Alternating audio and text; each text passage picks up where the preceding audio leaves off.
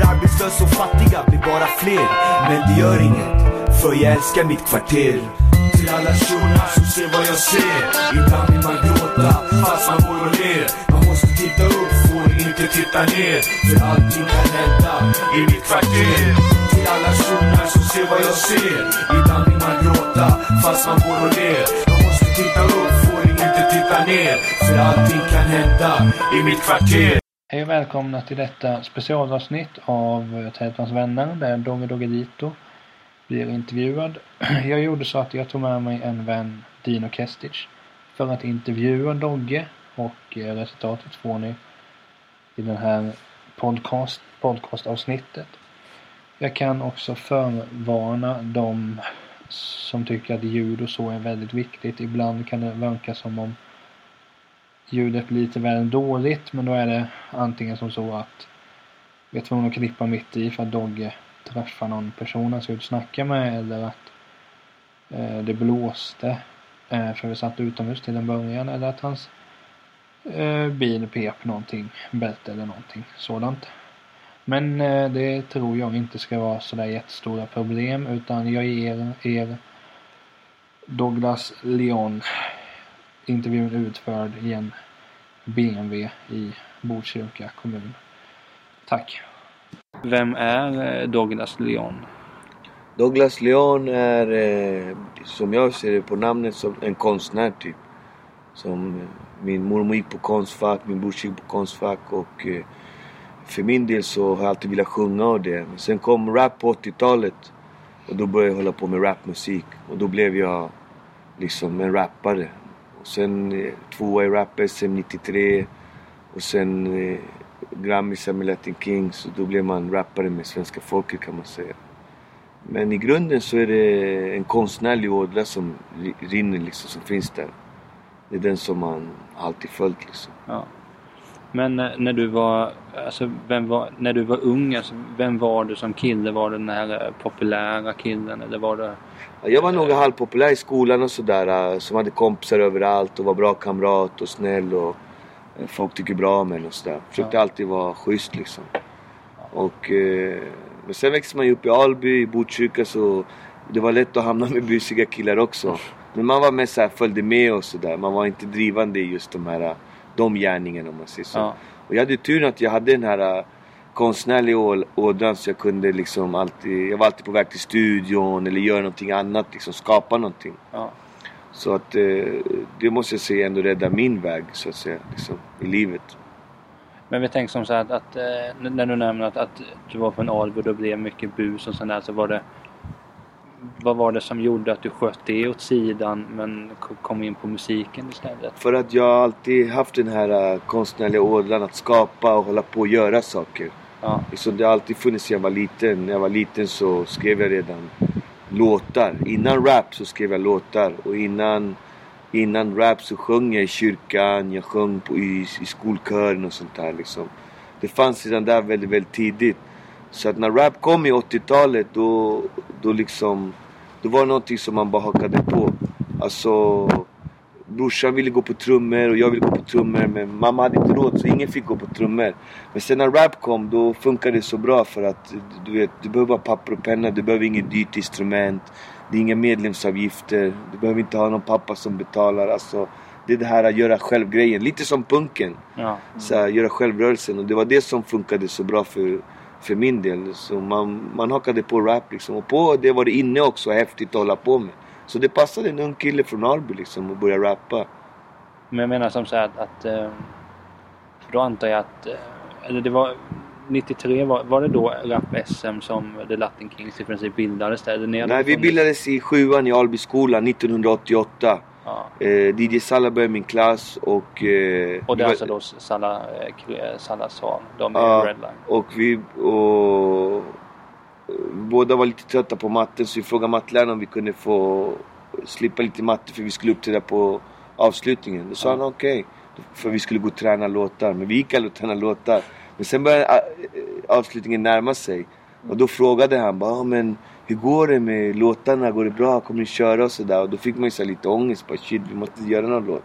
Och då gjorde vi några låtar. Och sen uppträdde vi. Och då blev vi, vi hade lite olika namn i början men till slut blev det Latin Kings liksom. Och då, då uppträdde vi som Latin Kings på avslutningen och sådär. Sen blev det bara större och större. Vi uppträdde på grannskolan och sen skolor längre bort och sen lite festivaler och sen hamnade vi på Vattenfestivalen i Stockholm. Och sen 1992 då ställde vi upp i Rap-SM och då kom vi på tredje plats. Ja. Då blev vi trea, trea i Sverige på rap. Och då börjar man liksom förstå att man kanske kan hålla på med det här på riktigt liksom. Och då, då blev det liksom Latin Kings på allvar. Och under 93 så spelade vi in vår eh, skiva då, Välkommen till förorten. 94 kom den ut och eh, med den så vann vi Stockholmspriset, vi vann två Grammisar och vi blev kända över hela Sverige. Över en natt kan man säga när den kom ut och då, och då, då banade det vägen så att säga liksom. Men, Men det... Eh, får jag bara ta en sak? Om vi backar bandet lite grann. Ja när ni väl kom igång. Ja. Alltså, för jag, jag har, eh, så när, vi, när vi växte upp, vi hade några polare som mm. försökte sig på liksom, skrev lite låtar ja. och spela in och så här. Och jag minns hur det var, det var ju så här, du vet. Man körde gamla stereon, play record, en liten jävla mick man spelade in på datorn. Exakt. Hur alltså, gjorde ni liksom? Alltså det var ju ännu längre bak i tiden. Ja, alltså på den tiden så fanns inte dat datorn överhuvudtaget. Nej. Så man spelade in sina låtar på rec och play. Och ja. man köpte vinylskivor, remixar, för på B-sidorna så var det alltid instrumentaler. Okay. Och så, så rappar man alltid på instrumentallåtar av andra kända musiker eller rappare eller någonting. Mm. Så att musiken rappar man med andras B-sidor om man säger liksom. Men jag tänker som det är, om vi tar Latin King, så att när ni skrev alla låtarna, var det så att ni ni satt samlade i studion eller var det så att kanske det var du väldigt, gjorde låtarna? Eller? Det var väldigt olika alltså, tekniker hur vi skapade våra låtar. Ibland så skrev jag låtar hemma och kom till studion. Ja. Ibland skrev vi låtar tillsammans. Och ibland så kunde Salla poppa till och ha skrivit någon låt för att han hade någon beat som han ville att det skulle vara exakt sådär. Ja. Och då rappade jag den texten. Så, så det var väldigt olika hur vi gjorde liksom. Men mestadels så skrev jag det mesta om man säger och hade de, alltså rapidéerna. Salla var väl mer, mer beatsen och musiken om man säger. Ja. Men det är ju någonting som jag har tänkt på. Du nämnde ju Välkommen till förorten där och både Din och jag, vi har ju både växt upp med Latin Kings mm. och lyssnar fortfarande på det via mm. Spotify och allting. Men alltså, i mina ögon är ju Välkommen till förorten och sen I skuggan av betong. Alltså det är ju två av alltså, de bästa skivorna som har gjorts i Sverige överhuvudtaget. Mm. Och jag menar, där, där måste ni ha varit. Alltså var det, var det Latin Kings Prime helt enkelt? Var det där ni var som bäst de två första skivorna? Eller? Nej, egentligen så var det två experiment, experimentalbum. Ja. Därför att i första albumet så gjorde vi alla stilar. Alltså i, i första skivan finns alla svenska rappare. Man kan ta en låt och säga, man tar Fint väder. Ja. Det där är Markoolios karriär kan man säga. Ja. Hela, där byggde vi hela Markoolio. Sen finns förortsrappen, där byggde vi alla förortsrappare. Sen finns det alltså så att man kan, man kan spåra mycket från Välkommen till förorten. Men när vi började göra Skuggan av betongen då bestämde vi oss att vi vill göra våran musik som är härifrån, från Alby. Mm. Och då vill vi göra tung, svensk betongrap, förortsrap. Och då fokuserar vi bara på first rap i Skuggan av betongen. Och där la vi grunden till first rappen vad den är idag om man säger liksom. Och eh, så att egentligen för min del så tycker jag att de två albumen är väldigt experimentella album där vi, där vi fortfarande söker vår identitet inom musiken. Man hör på femte albumet, Omerta, där är vi säkra i våran formel om man säger. Där hör man att det här är riktig klassisk rap. Men på den tiden visste man inte att det hette så förutom vi, för vi visste att vi ville göra musik. Ja men det var just för att när man var yngre och så skulle lyssna på Latin Kings till slut, eller på hiphop överhuvudtaget, att det fanns i princip bara Latin Kings. Sen kom några som jag menar Petter kom ju kort efteråt men det har ju aldrig varit ja, min tio kopp. år efter, ganska långt efteråt jo, kom det. Men jag menar det, det, har ju aldrig varit min kopp te. Så i princip, alltså den svenska hiphopen man lyssnar på, det man går tillbaka till Latin ja. Kings, lyssnar lite Loop Troop och lite Timbuktu. Ja. jag, jag tror de började komma 95, 96 där. Ja. Då hade vi rappat eh, i Latin Kings hade jag rappat sedan 88 men jag började rappa 1983 och breaka. Ja. Så jag hade hållit på 10 år innan, innan vad heter det, det något, överhuvudtaget hände någonting liksom. Så att eh, det, det var en lång väg att vandra liksom. Men hur, eh, hur kom ni liksom igång? Från, från att gå liksom från Alby skolgård här till helt plötsligt sju kontrakt? Liksom. Ja, det var Rap-SM som gjorde det. Att vi kom trea i Rap-SM. Det var nyckeln som öppnade upp till skivbolagsfolk och skivbolag. Och vi, vi, vi, fick kontakt och vi fick kontrakt. Och det var det som var nyckeln, där kunde folk se oss liksom. Och vi var lite halvkända lokalt för vi brukar rappa i tunnelbanan och på tunnelbanan och sånt där. Och det tyckte folk om för vi hade roliga texter med mycket humor i och sådär. Och i början så, när jag började rappa när jag var liten, då rappade alla på engelska. Så när vi kom och började rappa på svenska då kunde de inte förstå om det var på låtsas eller på riktigt eller menar de allvar de här. Så att det var också en sån här språkgrej att vi försvarade svenska språket inom rapmusiken. Att man kan visst rappa på svenska. För när vi var små så fick man inte göra det, man kunde inte göra det. Det var helt ute att rappa på svenska. Det var så här, det fanns liksom inte. Man bara, äh, du kan inte rappa på svenska, det är, det är keft liksom. Men-. Så vi visade, vi var inte först. Den första svenska rappen det var 1987 med MC Tim. Han gjorde Jag är def. Den låten eh, hörde vi och vi tyckte att det var skithäftigt. Vi bara shit fan han rappar på svenska. Han- Han hann före oss typ. Så, så man, man drömde som om... så här att då när ni kom där, Mm. vi säger 92, 93. Då som du säger, hiphop var ju inte stort. Jag menar säg, Nej det var... Ja, men säg att man ska göra någon hiphop. Säg att, eh, att jag skulle börja vi- vilja syssla med hiphop idag liksom. Du har ju, du har ju hur mycket som helst du kan inspireras av. Man kan hämta lite härifrån och Ja. det finns ju mycket. Men jag menar på er tid är ju i princip det är ett blankt blad nästan. Så jag Mm. menar, samtidigt som delvis kan man ju säga att ni uppfann svensk hiphop också. Exakt, vi skapade svensk hiphop kan man säga. Den, den fanns inte så mycket liksom eh, att, att, att få inspiration ifrån så att säga. Så vi var, vi var tvungna att hitta vår egen grej liksom. Men det gjorde ju oss också originella och unika. Och det är det hiphop handlar om, att man ska vara originell, man ska ha egen style. Det var väldigt viktigt när vi var små, vi växte upp från ortodoxa hiphopskolan. Där det, det var viktigt att man hade en egen stil, man var originell, man var någon som ingen annan var och man hade ett budskap. Det var liksom det viktigaste för oss. Och eh, då kunde vi göra det liksom och vi gjorde det. Och eh, det är därför första skivan är, är så experimentell för vi vet inte vad vi ska göra. Först är det salsa-musik, sen är det tung rap, sen är det hårdrock, sen är det, alltså det är så olika många stilar på den där första skivan så man blir helt förvirrad liksom. Men det är för att vi, vi kom in i en studio och vi bara, det var också som att gå in i ett rymdskepp. Vi ville bara testa alla stilar och rappa på liksom. Men det är ju det som är lite skönt med den här skivan. Kan jag tycka att det är så. Ja. Alltså om du idag skulle lyssna på exempelvis, nämn då Timbuktu. Du vet ju i princip hur hela den skivan kommer låta. Ja. Mer eller mindre. Men jag menar på den skivan, det är ju som du säger att ena låten, okej är så här och sen kommer någonting annat som är helt För jag menar det är väl, det är väl ganska många låtar på första skivan. Ja, det är väl 15-17 låtar. Och jag menar det är ju i princip 15-17 olika musikstilar. Ja, det är det. Exakt. Det är så många olika musikstilar. Det är där vi föder så många olika stilar. Alltså... Och eh, grejen var ju den att till exempel MC Tim, han gjorde ju bara en singel. Ja. Han gjorde aldrig ett album. Här kom vi och gjorde ett helt album med så många olika stilar. Och det gjorde ju att eh, det öppnades upp ögonen och vi kunde ju se skillnaden du vet. Alltså unga svenskar ute i landet, de gillade fint väder. Ja. Medan förorts kids, de gillade snubben, trodde han var cool. Alltså det var roligt att man fick publik på olika låtar som man hade. Liksom. Om vi åkte till en svensk skola, då bara kör fint väder.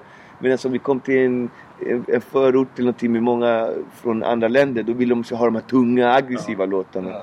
Så där märkte man också att fansen gillade olika saker så att säga på det här experimentella albumet. Och det, var, det var en resa även för oss för att vi, vi, vi var fattiga och eländiga och vi visste inte vad vi, vad vi skulle ha för stil, liksom approach när vi startade. Vi visste att vi ville rappa och rappa på svenska och vara ett svenskt hiphopband. Men vilken stil skulle vi ha? Så vi, vi provade oss fram så att säga. Så, så hela första skivan är en, en, ett enda stort experiment. Men man måste ju säga att de bästa låtarna tycker jag personligen är de som är riktigt tung hiphop. Jo. Som Snubben, 30 sekunder, Kriminell idiot, Idiot idiot, Kompisar från förr. Ja, men den är ju underbar. Ja, alltså det är sån här uh, schysst musik liksom. Som man diggar. Men jag tänkte när du nämnde snubben där. Mm. eh, Den släpptes väl, det var väl i princip när Lasermannen härjade. Ja, alltså snubben han... och rasismen. Exakt, det handlar om... Snubben trodde han var cool är ju Lasermannen. Ja. För att när vi var små så härjade Lasermannen. Han åkte runt och sköt folk med invandrarbakgrund. Som jobbade hårt i gatukök, i kiosker och vi kände att vi måste göra någonting mot det här. För vi hade en kille i Cheppes klass. Hans farsa hade blivit skjuten av Lasermannen men han hade klarat sig Ja. på tunnelbanan för att det var dubbelruta. Aha. Om jag säger rätt nu, jag kan säga fel på de gamla tågen. Ja. Så skottet gick bara genom första rutan för det var med 22 millimeter. Okej. Så att den andra rutan räddade honom. Och den skulle precis träffa huvudet men den gick Shit. inte igenom. För att det var så svag kaliber. Ja. Och de flesta han sköt klarade sig ju. De blev ju bara handikappade. Alltså det låter ju dumt så här, men det var väl bara en som dog egentligen? Ja, jag vet Jag har ingen koll på det. Men det var... Han det- sköt ganska många tror jag. Men det var någon som dog absolut. Ja, men jag för mig så att han sköt väl nio pers eller någonting. Och Ja, och många blev så handikappade för livet. Men mest att de blev traumatiserade liksom. Och det, vi hade ju, min pappa var från Venezuela och gick och jobbade varje dag. Och man var ju rädd att det skulle hända dem någonting. Ja. Ja, men- Och då, då kände man att vi som unga, vi måste göra någonting mot rasismen. Och det var då vi gjorde Snubben trodde han var cool. Och det var den låten som vi ställde upp med i Rap-SM. Som tog oss till tre, tredje platsen. Och sen den låten som gjorde att vi fick skivkontrakt på Alpha Records. Och då släppte vi bara den som singel. Snubben trodde han var cool. Och det blev den mest spelade eh, låten i radio det året. Och mest spelade videon på ZTV det året. Och det var ju på den tiden musikvideon så var hett också. Ja, när musikvideos var hett. Och det gjorde att vi fick ett skivkontrakt med världens största skivbolag Warner Brothers. Som köpte över oss från det här lilla bolaget Alpha Records. Ja. Okej. Och det, så det var en, det var en, vad ska man säga, en saga liksom. Det var, det var otroligt. Jag tänkte själv, jag skulle jobba med något helt annat. Eller hur? Jag så- tänka mig det, de växte upp såhär i Ja. Alby och... Alltså så som ni hade det du vet. Kan jag tänka mig. Ja, jag trodde aldrig jag skulle bli rappare. Alltså, jag var inte ens bra rappare när jag var liten. Alltså, förstår du? Jag, jag växte upp med min brorsa och dem. De var grymma rappare, du vet. Och för min del, jag trodde aldrig jag skulle bli sådär bra liksom. Men, men jag brukar säga att de andra var så dåliga så att jag kunde komma och vara bäst där ett tag. Och det var, det var kul liksom. Det var kul att få vara med om den resan. Och sen tror jag på Gud. Jag tror att Gud också har ett finger med i spelet liksom.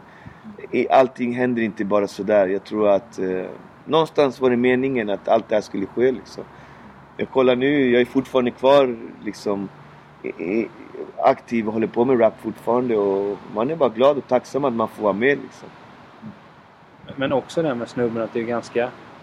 Jag tror det är därför så många gillade Latin King. För det är ganska, om man ska säga, det är kaxigt på ett sätt. Och, upp- och första låten man gör är en sån snubben trodde han var cool. För jag menar, det är, jag hade ju aldrig vågat göra en sån låt. Nej, för det exakt. första. Och jag menar, men sen kan jag ju tänka mig att som utländsk och vara i Stockholm då när Lasermannen. Alltså, jag har ju sett den filmen som de gjorde om Lasermannen. Mm. Och där har de väl porträtterat på ett sånt sätt just att man ser den här rädslan. Att, jag menar, du bara tänker sig själv att skulle det vara någon som är i Kalmar liksom, där din och jag bor som, som håller på att misshandla folk. Ja. Jag hade ju varit rädd för att gå ut liksom. Och Ja. de där som, skj- som, alltså, som Nej. försöker skjuta andra eh, invandrare så alltså det är ju klart, man vågar ju inte gå ut. Alltså vi kände bara att vi ville göra någonting. Vi var unga liksom och... Men ni var aldrig rädda så för att, att, att ni tog, för det var ju på den tiden alltså nazismen och rasismen var, då, då var ni ju stor också. Ja, den var jättestor. Det var överallt. Man kunde inte åka någonstans. Det Jag menar, var... var, var, ni det inte, måste- var ni inte rädda om man visste så här, kolla, där- är Dongy, han som rappar om snubben, där han var cool. Var Nej, jag tror inte man var rädd. Man är från Alby. Här kommer 97% från resten av världen. Eller- Så här var de inte Nej, men jag menar aktiva. så här, om, du, om du var rädd för att om du skulle åka in liksom till eh, Hornstull eller någonstans med tunnelbanan. Är man Nej, aldrig. någon- Jag kommer ihåg en incident som hände faktiskt. Eh, vi satt i tunnelbanan. Det var jag och jag tror det var Salla. Och så kom, satt vi i tunnelbanan och så kom hela tunnelbanan in med skinheads. Alltså jag svär, kanske 10 skinheads. Och alla satte sig runt omkring oss och bredvid oss. Shit. Och jag hade en Redskins keps. Ja. Så Washington Redskins. Och en skinhead han bara nice cap så tog han den. Så här, och satte den på huvud och vi var små barn liksom. Ja. De var ju äldre, det var ju vuxna män liksom. Ja. Och jag älskade min keps så mycket. Och till slut bara, that cap is mine. And, but it's not a skinhead, it's a redskin. Och så tog jag den tillbaka sådär. Och då tyckte han, då tyckte de att bara det är lugnt sådär. Så, så det var ingen problem liksom. Men eh, jag vet inte. Men vi hade ju mycket andra problem med Latin Kings när vi uppträdde ute i landet. Ja. eh, Under den här rasistvågen att de kastade grejer på scenen. Det kom såna här eh, skinnes till showen och så bråkade de med svartskallar. Så blev det, var det bråk mitt innan vi stod och sjöng liksom. Ja. Och det kom plankor flygande och Daddy Boastin fick bajspåse på sig. Och det var så här helt galna grejer alltså. En gång när vi spelade på Hultsfred tror jag, då höll de på att riva hela tältet alltså. Och hela bilen och allting. Så de, vi fick liksom typ dra därifrån typ. Och vi kunde inte dra, för det var så mycket folk. Som liksom hade gjort så mycket kaos. Jag tänkte på det här för att vi var inne på att du är så här konstnärlig ådra och Ja. allt det där. Liksom därför du började med musik. Men har du någon så här stor inspirationskälla du vet så här, som ni som ni lyssnade på när ni var unga och, och diggade det liksom och bara okej vi måste också göra något sånt här. Liksom. Alltså man, kolla när vi var små så började vi breakdansa först innan man började rappa det. Mm. Så jag breakdansade hela 80-talet från 83 till kanske 86, 87. Och då lyssnade man på rapmusik, rap som kom från New York. Och det var ju allt från Grandmaster Flash till Run DMC till liksom eh, alla de här eh, tidiga rapparna som rappade liksom. Eh, BCB och de här rapparna som var i de här filmerna. Style Wars, Wild Style, Beat Street. Och musiken som fanns. Och min favoritskiva det var ju soundtracket från Beat Street. För den breakar man ju till så mycket. Och då hade man dem som idoler. Men sen var det så också att min farsa kommer från Venezuela, från Karibien. Och där är ju musik liksom med i vardagen varje dag. Och då var det mycket salsa-musik och sådär som Frankie Ruiz, Hector Lavoe, Oscar de Leon. Så man hade alltid den här salsa-musiken som man tyckte då när man var ung. Bara, farsan lyssnade på det här. Eh. Och så lyssnade man själv på rap som var modernt liksom. Men sen nu när man är äldre så har man kommit tillbaka till de här gamla idolerna liksom som farsan hade. Så att eh, det, det fanns alltid musik där liksom. Det var den tidiga rapmusiken som man hängde på och lyssnade på och körde liksom. Sen så Sen blev ju rap mera att rapparna blev verkligen stjärnor och det blev big business och då kunde man ju ha egna idoler som Big Pun, Fat Joe, Gangstar. Men det var ju 90-talet, Cypress Hill, Ice Cube, NWA, allt det här som började komma liksom. Det, det är ju lite av rappens guldera tycker jag liksom, 90-talet. Men eh, Dino och jag, vi gillar ju som sagt mycket hiphop och vi brukar ju... Ja, vi är väl oeniga om vem som är bäst mellan Tupac och Biggie Smalls. Så Den då stora tänker jag, frågan. vem föredrar du mellan Tupac och Biggie Smalls? Alltså, jag tycker att det är lite svårt att jämföra dem för att Tupac, han har ju gjort, jag vet inte om han har gjort 10, 15, 20 skivor. Biggie, han har bara gjort två skivor. Mm. Så det, det går liksom inte att mäta dem, tycker jag. Alltså, man skulle vilja behöva mer grejer från Biggie för att han skulle få mer vikt. Men det är klart att New York claimar Biggie och, West Coast eh, claimar Tu- Tupac kan jag säga. Vem föredrar Men, men om du frågar mig, Ja. alltså om du tar låt för låt och liksom så Tupac har ju så mycket mer material. Så han blir ju bättre liksom på all material som han har. Men om Biggie hade lika mycket material så kanske han skulle kunna eh, i samma klass som Tupac. Men hans grejer som han släppt är fantastiska alltså. Första albumet är otroligt liksom. Mm.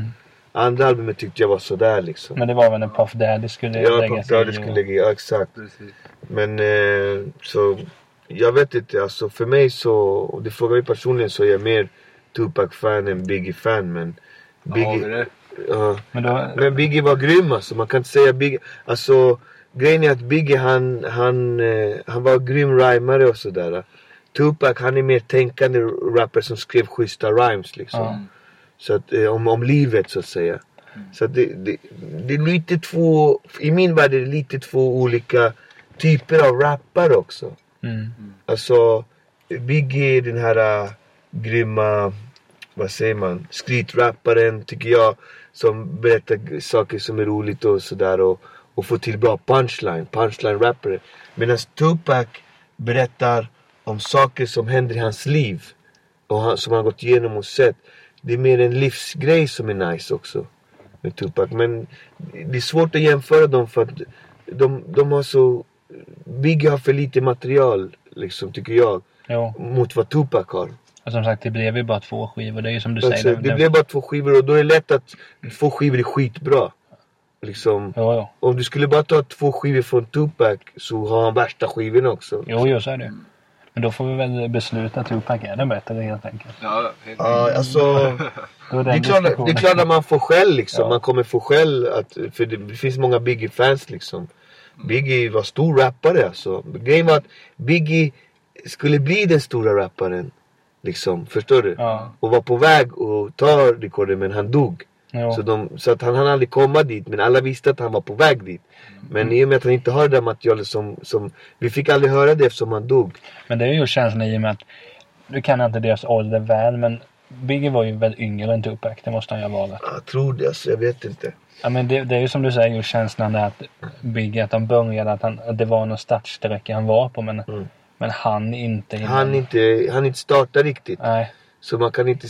Så att hans, eh, hans bästa grejer missade vi nog liksom.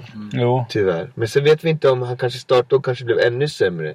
Eller kanske det bara var att han tröttnade på det och, hängde med sina kids, det vet man ju. Ja, man vet inte alltså. Det, det är svårt att säga. Men jag, jag måste säga Tupac. Men om man ska kolla i New York.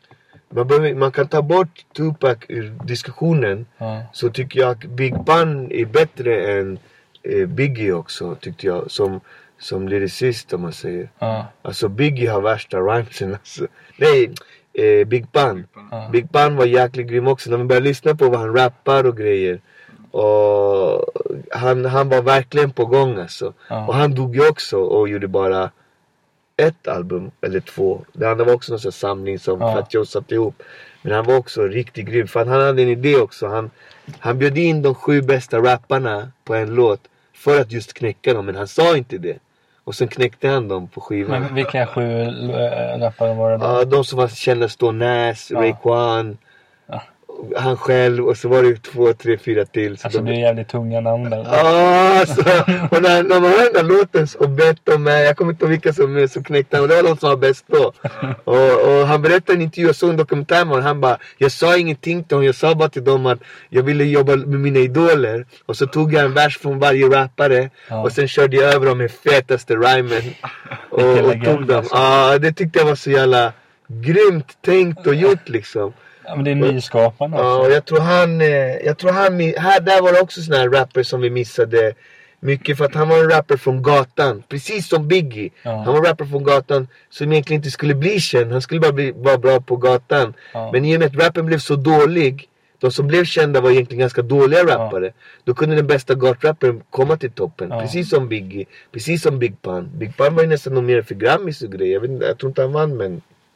Han var i alla fall nominerad. Och det, jag tror han skulle vara kungen av New York. Ja. Men eh, bortsett från eh, alla, alla, liksom, alla, till den här dagen liksom. Ja. Vem är den största genom tiderna för anser du? Störst genom tiden om du frågar mig tycker jag Guru med Gangstar. De grejerna han Mm. gjorde med Gangstar tycker Ja. jag är fantastiska. Ja. alltså Guru höll, höll, höll i... Men han dog väl också ganska tidigt va? Eller- Ja, han dog ju för två, tre år Ja. sedan och han... Eh, han eh, jag vet inte egentligen inte vad som hände. Jag har hört lite olika. Att han var sjuk, att han dog i aids, att han hade cancer. Ja. Man har hört olika grejer. Så jag vet faktiskt inte. Nej. Det var väldigt hemligt. Men jag växte upp med Guru. Jag såg han flera gånger. Jag träffade han, snackade med han. Jag var kompis med han. Alltså, Och ja, ja, jag- alltså, han var fett schysst människa. Och eh, jag lärde känna han lite grann sådär. Inte jättemycket, ska inte säga sådär. Mm. Alltså, jag har träffat de flesta rapparna. Jag träffade Snoop innan han var känd.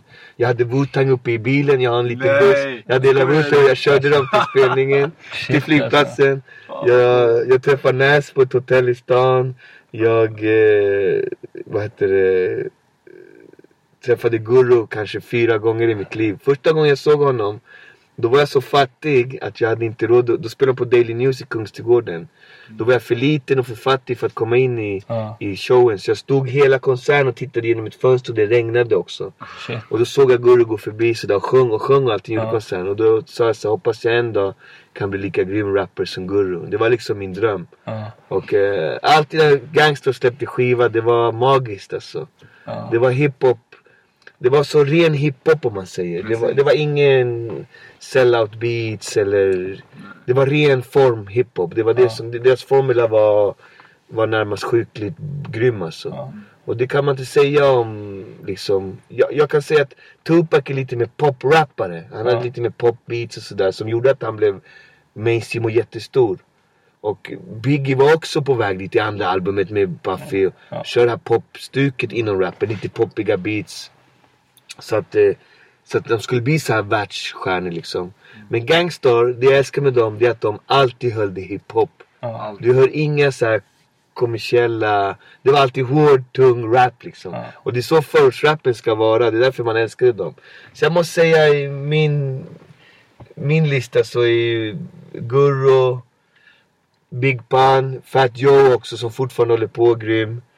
Eh, Raekwon från Wu-Tang Clan. Det är jävligt många rappare i Wu-Tang Clan. Jag, Alla är In- grymma också. Ja fast jag tycker inte, alltså jag tycker Method Man är överhypad alltså. Jag Ja, att det- säga det. Jag, jag tycker att Raekwon är must i min värld. Han, han var grym rappare. Så han, han är med i min lista, top 10. Raekwon. Ray. Ja men, jag, ja, men det är som du säger där med, med Wu-Tang. De är ju, alltså de är väl nio stycken eller något sånt Mm. där. Och alla är ju Alltså alla är ju väldigt, väldigt bra. Men det är ju som du säger, det är inte värd, alltså det är inte kanske topp nio i världen är det ju inte. Nej. Men Alltså det, menar- blir- de rappar ju inte lika mycket heller om man säger. Om Ja, du men kollar- nu gör de ju alltså, de, de släpper ju aldrig något nytt känns det som. Ja, för nu släpper de solo. Jag fan tror Tony Starks eller Ghostface han är så uppe i tolfte albumet, soloalbumet eller någonting. Ja. Han släpper ju många album som helst.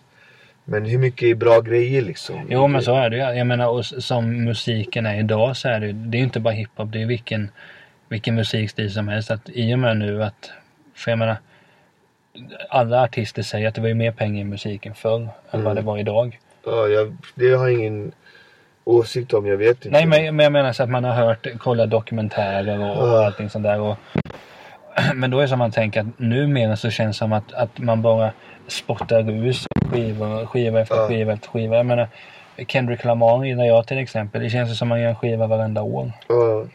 Eh, Men jag menar alltså.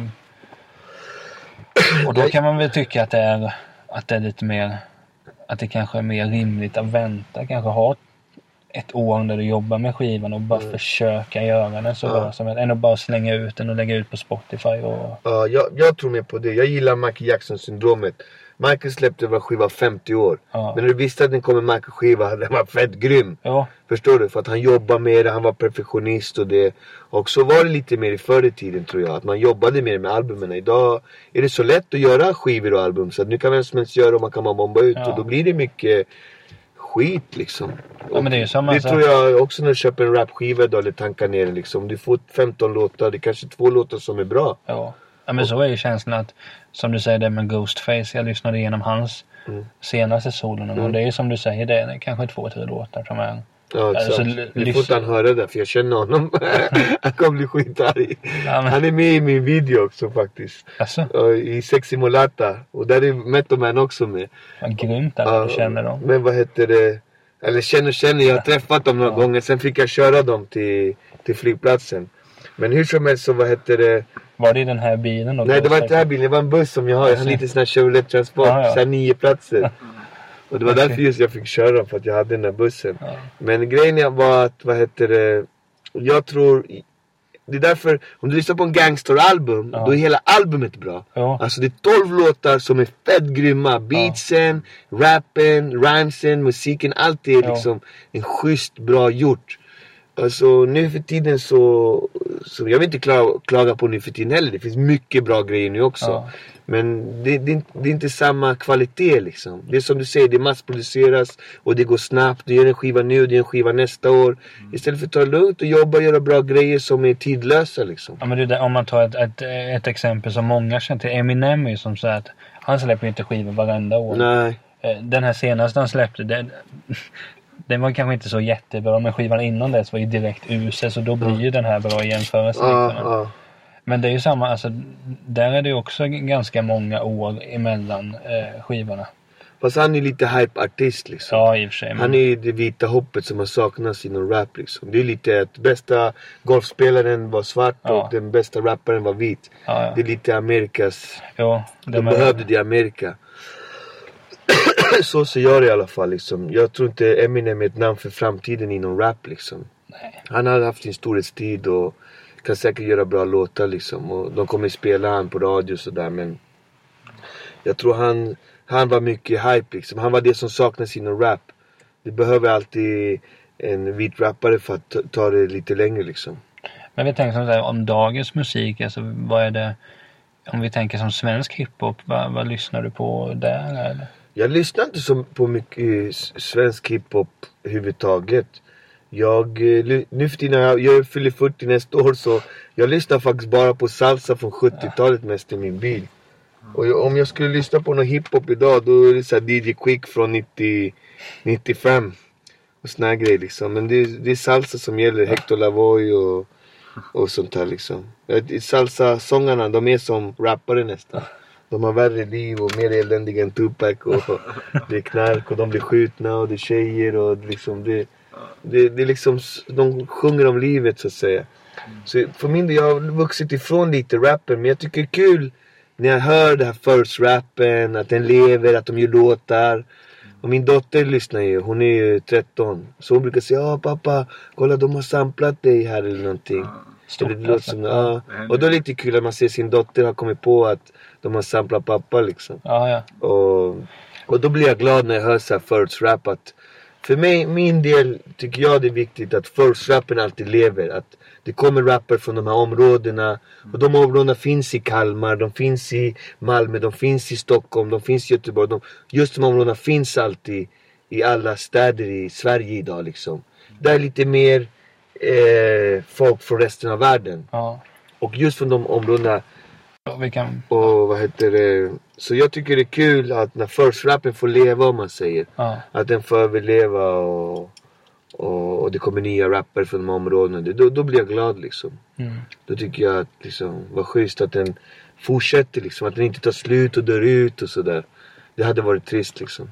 Men vi tänker som så här, om vi bara gör, om vi bara tittar tillbaka lite på Latin Kings här igen. Att, för menar då, som, sa, som vi snackade om lite förut, att fem album släppte ni väl totalt?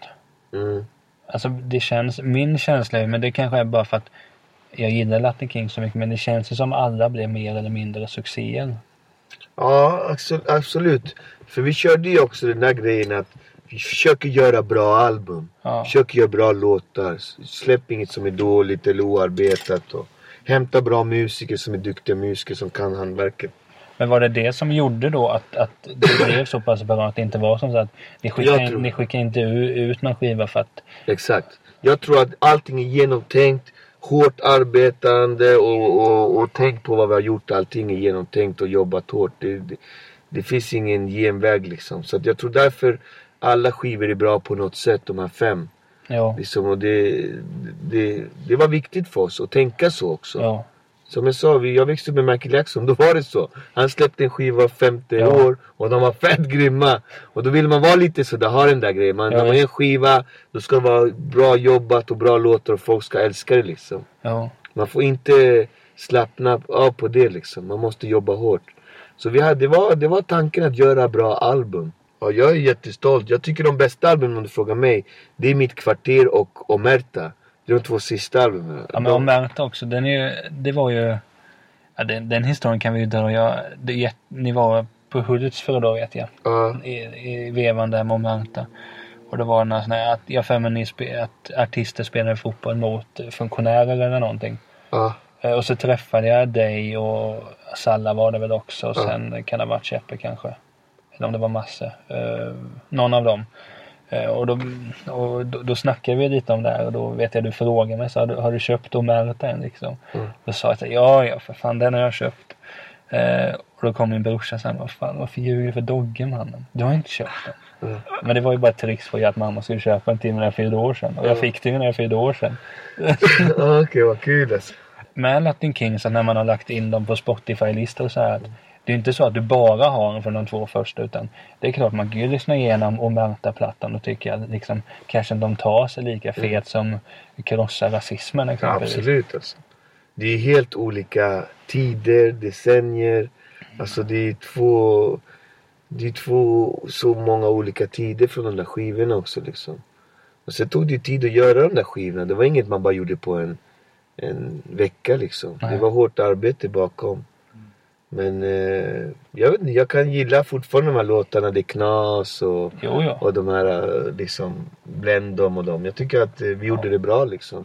Det var ändå svårt att liksom eh, liksom leverera när man är på topp också liksom. Att man Ja. ska leverera och jobba hårt och, och vara bra rappare under längre tid. Jag tycker att vi, vi gjorde det väldigt bra. Så jag är väldigt stolt över det men jag tror att eh, Men vi skulle ändå satsa på att gjort tre, fyra album till. Ja. Det var lite lat också. måste jag säga. Nej, men samtidigt samma sak. Att, låt säga att ni hade släppt tre, fyra album.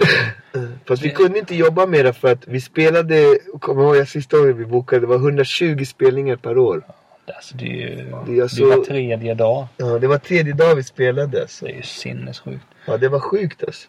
Vi, vi spelade så mycket, vi var så poppis. Ibland kunde vi sitta i bilen och åka och vara på väg till spelning. Och då sa vår tränare bara, ah, de ringer här från, vi kanske var på väg någonstans. Så Ja. bara, ja ah, vi är på väg att spela här men nu ringer det från ett anställd och vill att ni ska komma hit och spela. Vill ni ta det eller inte? Ni får 10 lax var nu i handen Ja. liksom. Kör ni eller inte? Vi bara, ah, vi kör. Och då åkte vi till en spelning, gjorde jobbet och så Ja. åkte vi till nästa spelning och gjorde Ja, det ja. jobbet också. Alltså till och med när vi var på väg på spelning kunde det komma in jobb som vi bara, okej vi tar det liksom. Men Alltså vi tänker nog 120 spelningar per år då. Alltså turnerar man så mycket nu för tiden egentligen? Jag har ingen aning faktiskt om... För om menar var tredje dag i snitt så det känns inte som liksom... ja, det blev ju, man blev professionell rappare. Ja. Liksom, vi rappade på allt och hela tiden och överallt. Och jag vet själv att det var 120 spelningar för att det var jag som bokade alla 120 spelningar. Så jag hade koll. Jag bara, fan 120 spelningar. Bok, Det, för det var rekordet liksom. Vi hade Ah, gjort så här 110, 109 Ah, ja. spelningar. Sen bara 120, det, det kommer vi aldrig slå.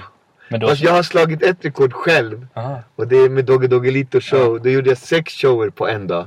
Jag och min kusin. Alltså vi- vilka ställen var det ni gjorde Ja, det var så, att vi hann liksom. Ja. Stockholm kanske var fyra stycken och så var det två utanför Stockholm. Då gjorde vi sex spelningar på en och samma dag. Det är mina rekord. 120 spelningar per år, men en dag har jag gjort sex spelningar på samma Ja dag. men det är ändå stabilt. Det är som... Man snackar ju ofta om att det var... Typ såhär Black Ingvars tror jag vad de hette. Mm, ja, men de hade ju egna flyg och Ja men att de hade så att de gjorde tre spelningar på en dag. Ja. Men då var det just att de hade helikopter så de kunde åka från Malmö till Göteborg till Stockholm sen. Men alltså, Fast vi har BMW 535 diesel. Vi taggar alltså. Så vi kör ja.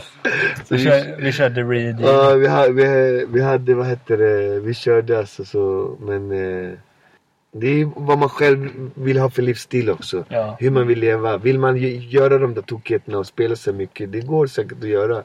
Sen finns det de som inte vill det. De vill bara göra en turné en gång per år och göra 20 Ja. spelningar. Och det får stå för dem liksom. Kan du tycka det är synd idag att det bröts upp eller vad man, vad man säger? Att just att ni hade potential för att... Ja, det har vi ju sett att... Jag trodde att vi kunde vara en grupp för evigt. Ja. För alltid. Och fortsätta och vara hela men finns det livet. ingen möjlighet liksom att om tio år att man gör någon reunion? eller Jag så? tror inte på reunion. Det blir alltid dåligt med reunions. Ja. Hur många gånger har man köpt sin favoritartist Det som ska komma tillbaka och så är skivan skit. Ja, i och för sig. Så När du det, säger man vill inte vara där. Man vill lämna det bra och vara det bra. Det är Liksom. därför Pac aldrig kommer tillbaka. Som Ja, jag säger. exakt. Vem? Jag säger Tupac. Ja. Jag säger alltid han kommer tillbaka nästa år. Han kommer tillbaka nästa år. Han kommer aldrig tillbaka. Nej exakt. Nej men jag tror han, de knäppte honom. Han var, blev för stor liksom. Ja. Men jag Vad- tänker som så hade ni många låtar med Latin King som aldrig blev släppta? Nej vi släppte allt som vi gjorde. Ja, Det kan vara någon låt som Salla och Cheppe sitter och trycker på, absolut. ja. Men det var inte så många. Vi släppte, det, det vi gjorde, gjorde vi. Vi alla in i studion och gjorde någonting Ja, halvt och så blev det inget. Vi gjorde det mesta. ja, Sen kanske de har några låtar som är osläppta liksom, absolut. Men det är absolut inte mycket. ja. Det mesta finns på skiva. Men, men jag tänkte poängen att vi, vi ska inte gå in på det här varför Latin King splittrades. För det, det- den frågan får du i varenda jävla intervju. Och sen, Ja. om jag ska vara helt... det är tidens tand. Jag kan svara på den. Det är tidens tand och alla grupper splittrar sig förr eller senare liksom. Det finns inget band som håller för evigt och man det- växer ifrån varandra. Ja. Vi var som ett gift gammalt par du vet. Det, Ja. det blev inget roligt längre till slut. Du vet om du sitter i en turnébuss, 120 spelningar per år. per år. Till slut det går varandra på nerverna. Det Jo, blir bara jo. elakheter och dumheter och Jo. du vet och folk börjar få barn och familj och Så det, det var en ungdomsgrej liksom. Man får ta det då. Jag är glad att jag gjorde det där av min ungdom liksom. Ja, men menar, tänk som det är nu att idag sitter du här med några som är 24-25 och Mm. bara, och bara minns Latin King. Så att Ja. menar, Latin Kings kommer alltid finnas kvar. Ja förhoppningsvis alltså. Som du säger, din, din dotter har hört mycket av, av din musik att de har samplat och hon är betydligt yngre än vad din och jag Ja, ja hon är liksom. 13. Det är därför säger man vi gjorde någonting och vi får vara glada med det vi gjorde liksom. Jag tror inte vi kan återuppleva det. Även om alla vill det och även om vi skulle vilja det. Så kan den tiden aldrig komma tillbaka. Nej men det är just det risken finns. Som. Låt säga då en hypotetisk värld att nästa år går man ut med såhär, åh Ladding King ska återförenas, det är en ny skiva och allting. Mm. Alltså risken är att det blir så fruktansvärt dåligt så att mm. Jag brukar säga Rolling Stones gillar ganska mycket och jag brukar säga att sen 75 har de inte gjort en enda bra låt. Nej, exakt. Mer, alltså mer eller mindre är det ju så. Men de släpper skivor hela tiden och turnerar ja. hela världen. Men alltså det är ju det enda bandet. De har ju inte råd att inte turnera. För jag mm. menar, de måste ju ha in sina 300 miljoner per år eller ja. vad de nu får. Ja, som de lever liksom. Ja. Ja, vi får se. Jag tror inte att det blir något med Latin Kings i alla fall. Jag känner inte så här wow för det liksom. Man, och, och, och som konstnär vill man gå vidare och göra andra grejer liksom. Och de verkar vara upptagna med hela Redline. Exakt. Så det, alla har skapat sin egen väg liksom. Men vi säger så här att hur ser, hur ser din musik, eh, för du gör en hel del musik nu fortfarande. Ja, jag, det var ju det också som är lite intressant att eh, jag vill ju inte bara göra hiphop. Jag har alltid velat göra annan musik. Ja. Jag, visst, hiphop är skitkul och roligt och kul med Biggie och Tupac och hela det där. Jag växte upp med det där och hållit på med det i 20-30 år. Men jag vill göra annan musik också. Jag vill rappa på Balkan beats, jag vill rappa på techno, jag vill rappa på salsa. På, jag vill på alla, du vet musik är så universellt. Så jag vill inte bara låsa in mig i den här hiphop-kulan. Jag vill prova på allt. Och det, som konstnär behöver man få göra det också. Och det är det jag kan göra nu. Det är därför jag gör mina solalbum där jag experimenterar ännu mera. Och fortsätter ännu längre och, och provar ännu grejer. Och men... sen tycker folk kanske inte är lika bra eller det är inte samma grej. Absolut, men det här är min grej. Det här behöver jag. Det här ja. finns inom mig. Och eh, det är det jag vill göra liksom. Ja. Och jag är inte intresserad av att vara stjärna eller artist eller sälja massor med skivor. Jag är bara konstnär. Jag vill bara få ut de här grejerna som ja. bubblar inom mig. Och det är därför jag är uppe nu i min fjärde soloalbum. Liksom. Ja. Och det, det, är bara att köra. Men det tänker jag att de, de, alltså så vitt jag vet finns ju inte Doggy Doggy dit och solo ute på Spotify. Nej, vi har gjort det med flit. Ja.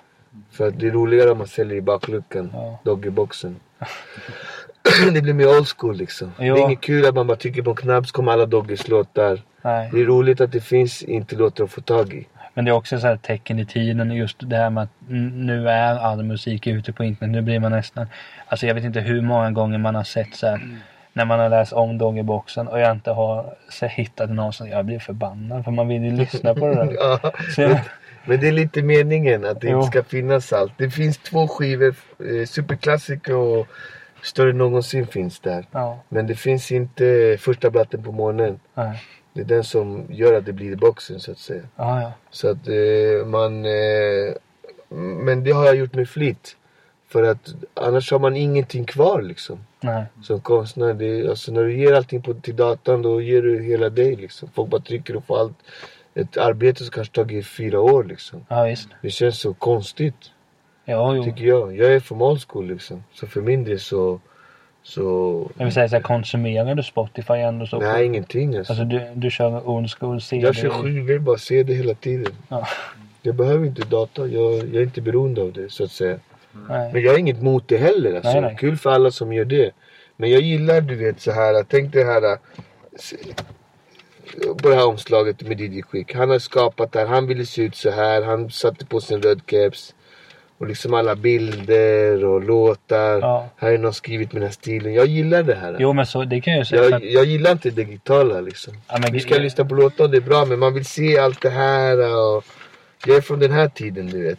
Ja men det är så. Jag, jag köper ju ganska så mycket skivor också. Och nu är det så, det är billigare med skivor idag än, än Spotify till exempel. Du köper ju på loppis 5-10 kronor. Jo. 5-10 kronor kostar CDs idag. I och för sig. Kostar ju ingenting. Och då kan vi få tag på riktiga filmer. Ja, jag har fått värsta skivorna. Jag köpte mycket bra skivor som helst. 5-10 kronor. Ja, kostar det... ju ingenting. Det är perfekt. så för min del så, jag vet inte. Ja. Då är det ingen som kan sno ens data eller om du inte har någon. du har problem med det. Eller man förlorar massor med grejer. Jag har min data kraschat. Det kan inte hända, jag har ingen du data. Har Efter Latin Kings du, så började du med musik direkt eller tog du något sånt där? Ja, alltså grejen var att jag, som blev pricken över i att jag slutade Latin Kings. Det var att min fru fick cancer. Och min fru var gifta och allting. Hade fått barn. Hon fick cancer, blev sjuk och hon dog. Och då stod vi på toppen med Latin Kings. Vi uppträdde på arenor med Gyllene Tider. Och, det. och det var en väldigt tuff tid. Och då kände jag när det hände att det hände någonting personligt här. Ja. Och jag hade barn, min dotter, hennes mamma gick bort och det var liksom ingen rolig tid liksom. Ja. Så jag tappade hela glädjen med att vad heter det, hålla på med rap och musik överhuvudtaget. Så då slutade jag rappa och jag slutade också i Latin Kings. Ja. Det är liksom, nej nu får det vara bra liksom, nu slutar jag här. Och så slutade jag med det och liksom gick in i min egen värld i två, tre år. Ja. Sen kanske tredje året eller fjärde år då började jag klinka på några nya texter och låtar och grejer. Och, och eh, jag tog kontakt med Rodde om han kunde hjälpa mig med några beats. För jag hade några låtar som jag ville göra. Och då gjorde jag låtarna. Och sen sa han bara, men du borde göra ett album, gör ett album. Så här. Han var rätt schysst. så här. Jag bara, okej vi kör en album. Så gjorde jag en album och då gjorde jag Superklassico. Och där kan man se lite spår av Välkommen till förorten. Det är de här blandade stilarna. Det är reggae, det är dancehall, det är tung hiphop. Det är blandade stilar. och det är det lite jag är faktiskt. Lite mera jag. Där inte det är så mycket inblandning av det ena och det andra. Ja. Lyssnar du själv på, eh, på er gamla musik? Nej, aldrig. Aldrig? Jag lyssnar aldrig på mina låtar. Alltså hur, så här, hur skulle du känna hypotes om liksom så att du går Jag hem och lyssnar aldrig på, på mina egna och sen... låtar. Men vi säger om, om de hade spelat Snubben på radio, stänger du av då eller? Nej, då blir man ju glad så. Ja. Men det är roligare om de spelar en Doggy Doggelito-låt. Jag är jäkligt trött på att de alltid spelar Latin Kings. Jo, jo, det är det klart. finns fyra soloalbum som de kan spela. Jo, jo, det är Jag klart. brukar sk- skä- skälla på radio. Jag bara, om jag ska komma till radio får ni spela tre Doggy-låtar minst, annars kommer jag inte. Ja. De bara, okej. Då spelar de två typ eller någonting. Ja. Men så ger de elaka, de bara efter halva låten så sänker de och börjar prata igen. Ja. Men man får ställa som krav att de ska spela Doggy-låtar liksom. För de kör alltid Latin Kings. Och sen det tråkigaste tycker jag det är så här. De kör alltid någon annan rappare efter man gått därifrån. Eller när man kommer. Ja, ja. Någon annan svensk rappare liksom. Men varför gör de det? Om jag bjuder dig, spela din, din då spelar dina låtar såklart. Ja, ja, det, Det är så konstigt att de kör någon annans musik. Det, Jag jag, jag gillar inte sånt. Det kanske låter egoistiskt men Nej, men jag menar... jag tycker att det är konstigt liksom. Nej men det, alltså, det är ju samma sak. Jag menar om, om jag skulle... Alltså, alltså för mig hade det varit en självklarhet. Det är ju samma sak som att nu när jag intervjuar dig här. Mm. Då är det klart intervjun handlar om dig. Mm. alltså, jag skulle inte börja på att snacka om... Nej exakt. Alltså om, om liksom... Någon annan rappare liksom. Jag skulle inte börja snacka om Rodde om jag intervjuar dig. För i sådana fall får jag ju ta en intervju med honom liksom. Exakt. Men det är det som jag tycker är mest konstigt. Men om, jag, om de spelar något, det är klart man blir glad sådär. Men jag blir mest glad om de spelar Dogge-låtar. För det är där man har kämpat mest tycker jag. Liksom. Ja. Och det är de de spelar minst. Har du något gammalt kvar eh, så här, från back in the days när ni började? Så här, någon låttext på, på ett papper liksom? Eller något? Ja, jag har mycket papper som helst. Hur mycket text som helst. Jag har sparat allt. Ja, jag har massa. Jag gjorde en låt nu med Adam Kanyama. Shit För nya album som jag håller på med. Och då kom han och la en fet rhymes här, Norsborg Rap. Han är jävligt tung. Jag var väldigt glad då att han kom. För jag, jag fick en sån här känsla av när jag var liten. Och då, då, då letade jag i min box. Jag har en box med massor med texter. Då tog jag en text från så här 95, 94 och körde den. Och han, han bara, fan vad grym. Så det var kul så här. Jag bara, den här skrev jag för 10 år sedan eller liksom länge sedan som helst. Men sitter du 20 år dagligen och försöker göra musik? Nej, jag, aldrig, jag sitter aldrig. Jag är mycket på plats direkt. Så alltså då går du till din studio liksom och... Jag är inte- hemma. Ja just det. Ja, men det är inte så liksom att du bestämmer att nu mellan 9 till 12 sitter jag och ska försöka Nej, nej göra absolut inte. Nej, nej, nej. nej. Jag, det är när man får känsla av tid över. Liksom. Ja. Sen har jag mycket, alltså jag kan ju ingenting om datorer. Jag har Ja. avsagt med allt det här med datorer, producera, knappar. Jag gillar Ja. inte. Jag är bara eh, textförfattare och rappare eller Ja. sångare. Det är det som är mitt jobb. Ja. Så jag har min kusin som sköter allt det där. Så det är lite när han kan Ja, ja. så jag kan spela in och så här. Så han, han är tekniker och jag, jag liksom rappar in det vi ska så rappa. Liksom. att Ja, prodda och Spelar du in någon salsa eller något sånt? Ja, jag har gjort salsa på svenska. Du har det? Så det kommer finnas. Det finns på låtarna också. Ja. Några salsa. Det finns alltid två salsa-låtar minst med på varje Dogge-skiva.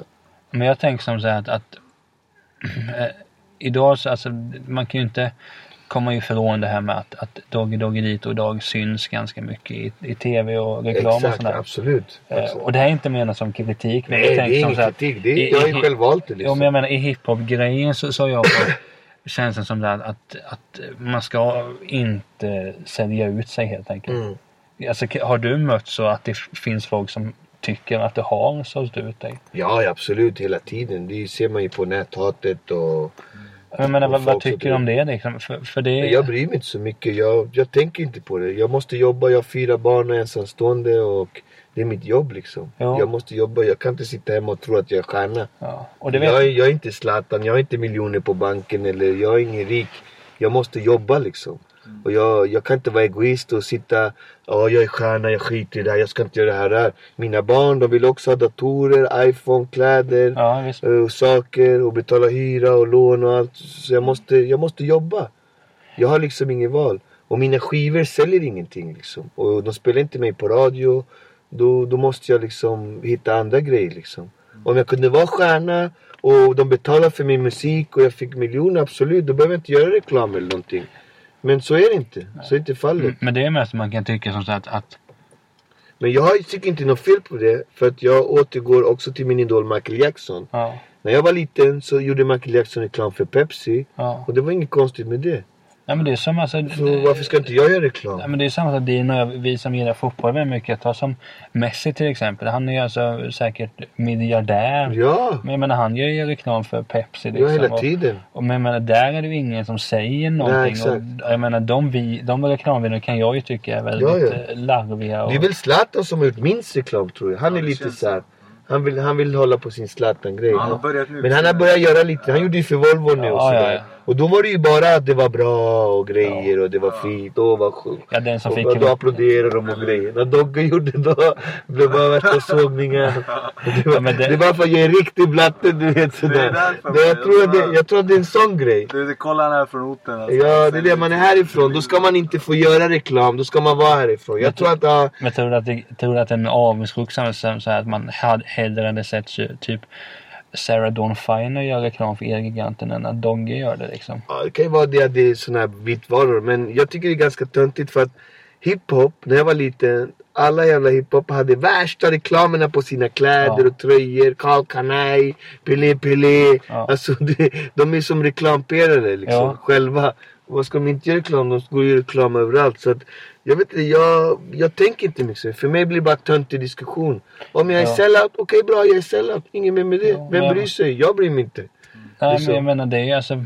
Så det, För det, jag menar allting handlar ju om att... För jag menar när det väl kommer till kritan handlar det om att, att pengarna ska in på konto liksom. Ja, jag måste jobba. Då- Jag, jag har inget val liksom. Jag måste jobba. Ja. Och jag tjänar inga miljoner på det liksom. Jag måste jobba, så är det. Och det, det, är inget, det är inget snack om saken. Hade jag varit själv och inga barn och bott hemma hos morsan. Då kanske jag kan göra valet. Nej, jag vill inte göra det här. Ja. För mamma betalar allting. Ja. Men så är det inte. Vi Nej. måste, nu är jag pappa, nu måste jag jobba och betala. Och, och stjärna är man bara ett litet tag. Man är inte det hela livet. Och det måste man också vara, real, vara realist med liksom. På tal om det, alltså jag måste ändå jämföra så här. Jag kommer från ett liknande område. Alltså, Ja. det, det är inte orten som Alby liksom. Nej, nej. lite mindre område. Mm. Så. Hur, hur kändes det liksom när ni från, liksom, kommer från orten, ni tre, fyra grabbar vad ni var. Och sen så över en natt som du sa, blir så kända liksom. Kändisliv höger och vänster. Så här. Jag tycker att det var fantastiskt roligt. Det var min pojkdröm att få vara med om det. det. Samtidigt så visste jag någonstans, när jag började sjunga i den här skolan så visste jag att någonstans, någon dag kommer jag vara stjärna. Jag kände det inom Du mig. kände det. Jag, det var någonting, jag tror att det var Gud som redan sa till mig och förberedde mig. För att jag, i första klass stod jag inne i den här matsalen och sjöng för hela skolan ensam på scenen. Så det måste ha en mening. Det kan inte bara ha blivit. Det, det, det måste ha någon större mening. Så jag tror att han har ett finger med i spelet. Och sen när det väl hände så var man ju jätteglad liksom. Jag var wow, det hände verkligen. Men hur liksom. var det i livet liksom jämfört med spendera dagarna här i porten liksom? Det var kul för vi fick åka ifrån alla, allt knas härifrån liksom. Och åka och se Sverige och jag kommer ihåg första gången vi åkte till Örebro. Det var värsta grejen liksom. Örebro, vi ska åka dit. Det kändes som att åka till andra sidan jorden liksom. Vi skulle få åka till Örebro. Och idag, det är bara två timmar härifrån men det var typ, kändes som 20 timmar. Alltså man var så bara wow, så grejen. Vi tog med livvakter härifrån och grejer om det skulle bli knas. Ja men några idioter härifrån. Förstår du? Så det var helt med du vet. Så, och du vet, man trodde man var värsta stjärnan. Men det var skitstort för oss du vet. Det var så här, Det var en häftig grej liksom att få se allting. Så jag saknade alltid att komma hem. För jag var borta hela min ungdom härifrån så att säga.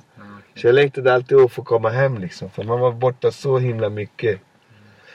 Men jag, jag tänkte på en sak att, att eh, det var ju någon incident där du fick eh, sitta inne en månad eller två eller vad det var. Mm, var det var väl, då var väl Latin Kings, eh, då fanns för dem och, eller vad man ska säga, eller var det innan allting? eh, Nej, nej, det, vi skrev kontrakt på Skuggan av betongen med Mega Records. Ja, De hade ju gjort succé med Ace of Base. Ja, så de fick det. ju massor med Ace of Base pengarna. De hade ju någon sån här kontrakt 50-50. De delade lika allting liksom. Skulle vi ut och fira. Jag tror vi skrev kontrakt på en miljon kronor eller någonting så här, Shit. För att göra alltså skivan. var, alltså det Nej nej, ja, vi, alltså vi fick en budget på en miljon för att Ja. göra skivan. Du vet, jo- jobba med den ett år och, Ja, och det var ju skitmycket pengar liksom för oss. Och fick, vi köpte en egen studio och grejer. Och då vad hette det? är det förresten, den studion som ni köpte då, är det den som fortfarande, som Salazar Ja, det är väl en del av den. De där grejerna har väl dött ut Ja. liksom. Men det var ju så. Ja, men jag menar, är det samma lokaler och det? Nej, alltid utbytt. Alltid helt Ja. nytt. Och då skulle vi ut och fira kontraktet. Och då kom inte, jag kom in på stället men inte min brorsa. Och de bara, Ja. han är för full. Men min brorsa han är nykterist. Så jag Ja. bara, vadå? Han är nykterist? Han kan vara full. Men han kom inte in i alla fall. Och då blev det tjafs med vakterna. Ja, Och då blev det bråk med vakterna. Sen kom snuten, blev det bråk med snuten. Och då slutade det med att jag blev anmäld för våld mot tjänsteman. Och då var så jag hamnade i fängelse. ja. Eh, Men var det inte någon grej där att snuten hade uttalat sig ganska rasistiskt? Jo, massa. Alltså storyn är lite djupare men Ja. jag drar det snabbt nu. Ja. Det, absolut, de uttryckte sig inte så lämpligt. Till Nej. en ung blatte från förorten. För då small det liksom. Ja, Och det, och det, det var ju dumt för de producerar, eller vad säger de provocerar ju bara mig. ja, Och du vet när man är 20 år, man har varit i Testosteronen, bara vad säger du? Wow, du vet. ja. Jag skulle ju bara okej, kul, hej då, ha det bra, typ. Skit inte i det där Ja. liksom. Men du vet, det blev som det blev. Och det blev fängelse och... För som du sa lite när vi pratade off record så att du har väl i princip bott i Alby hela livet eller? Ja, hela livet. Jag har bott hela livet. Jag har aldrig bott någon annanstans. Men du, du har inte så här saknat fan det skulle vara kul att bo på Söder liksom? Nej, aldrig alltså. Vad ska jag där? Jag hatar stan alltså. Jag, alltså jag åker till stan, jag bara, det är bara kö, det är p-lyse, man får böter, det är bara problem och folk och... Jag skulle aldrig... Du vet här att man har gratis parkering och sen kan man betala fem kronor också så kan man parkera tills imorgon typ. Ja. Och jag vet Men vi säger som så här att om Här du... kan du vara hur du vill och det är inga konstigheter liksom. Du kan spela musik, inga grannar klagar och ja, hela det där. Jag, jag gillar det där världsliga liksom. Men jag menar som det här att, att eh, just att om du till exempel skulle vilja gå ut och festa med några polare, finns det sådana ställen här i Alby du kan gå till? Eller? Nej, inte riktigt alltså. Här finns det nog inga sådana, om det inte är privatfester. Ja, Det finns inga ställen så. Det finns Albypuben typ, men Ja. det skulle jag inte rekommendera. Det blir alltid problem och knivhuggningar och grejer. Men eh, då blir det ju stan man får åka till så att säga. Men som sagt, jag har jobbat ute i 30 år. Jag har sjungit i 31 år. Jo, Så jag jobbar ju på festivaler, krogar. Alltså jag har jobbat på alla de här miljöerna i 30 Ja. år. Så när jag är ledig, jag skulle aldrig gå till en pub. nej nej det. Eller gå till en, till en... På sin höjd kan jag gå med min familj och äta på en restaurang kanske. Ja, Eller gå ut i skogen med hunden hellre liksom. Ja. Jag skulle aldrig gå till en miljö som påminner om min arbetsplats. Vi sjunger ju alltid på här ställen. ja, Vi, vi jobbar ju alltid... När alla andra är lediga, då jobbar vi på såna här ställen. jo. Och då, då blir det så att jag skulle aldrig gå på en sån grej liksom. Ja, men jag menar det är som man hör alla musiker säga att, att det finns många som tycker, ja men det, har man turnerat ett helt år så är det så skönt att bara åka ut i skogen. Ja, exakt. Man blir helt slut på folk, på grejer, på allt det där alltså. Ja, jag Jag, jag, jag gillar inte alls. Så stan för mig, det är ingenting som jag längtar efter. Absolut inte. Nej. På tal om något helt annat. Jag måste bara fråga. För Passa micken, den låten alltså. Det är nog en av, det är nog min favoritlåt från er, från Latin Kings i alla fall. Mm. Vem står bakom det där beatet alltså? Jag tror det var Salla som gjorde den där bitet. Är det hans nu? Ja, han gjorde den bitet i... Vad gjorde han? den? När vi, hade en, vi hade en studio i stan faktiskt. Ja. Och då tror jag han gjorde den biten. Och det roliga var, jag var med om en bråk. Så här, i, på, i Hallunda på en pub. Och det var en snubbe, han sa så till den andra. Han bara lämna den där fattiga blicken, jag kommer sänka dig. För snubben stod och kollade så här. Och den andra snubben bara lämna den där. Och då, kom jag på så här. Passa micken, stick den och lämna den där fattiga blicken. Och då, då kom jag på den här rhymen. Och så hade Sall den här biten och så blev det en bra, så här, Bra, bra grej liksom. Ja. Den är tung som fan. Så den tycker jag är bra. Den är bra faktiskt. Den är bra. Passa micken. För det var ju lite inne och det fanns några rappare som hade låt som hette Pass the Mic och Mm. det var liksom Det var en sån grej på 90-talet. Mm. Men så det- gjorde den på svenska liksom, Passa micken. Men det tänker jag som så här, hur känns det? Alltså för The Latin Kings är invald i det svenska Hall of Fame. Mm. Alltså det måste kännas jävligt stort alltså. Ja, det känns skönt att få ett kvitto för att man gjorde någonting bra. För det har ju alltid varit så här att var vi bra eller var vi på riktigt eller var vi värda eller Ja. liksom förstår du? Det, det, liksom, det har alltid varit det här äh, var vi riktiga eller inte liksom. Där Ja. fick vi ett kvitto för, av riktiga människor att Latin Kings var ett riktigt band som gjorde någonting, skapade någonting och Ja. gav någonting till en hel generation. Och vi, jag fick ta emot pris med ABBA och de här. Det var ju min farsas idol liksom. Så Ja. det tyckte jag var, det var stort och häftigt faktiskt. Men Men just jag det här erkännandet, det tyckte jag var väldigt fint. Jag menar, Jag tyckte att vi behövde det som Latin Kings också. För det var så här att samtidigt som det var många som älskade oss var det så många som såg oss som en jävla töntband liksom. jo. Och trodde det vi gjorde var bara tönteri liksom. De utanför som inte lyssnade på Latin Kings bara, äh, men Latin Kings det är ett clownband liksom. Men det är också som du sa ett kvitto för i det här Hall of Fame. Det är ju som du säger, ABBA är ju där. Eh, Ebba Grön eh, blev väl invald av Nationalteatern liksom. Exakt. Eva Dahlgren var väl där. Så jag menar det är ju inga, det är inga pissnamn så att säga. Evert Taube, Ja. Cornelis Vreeswijk. Ja. Alla de tyngsta liksom.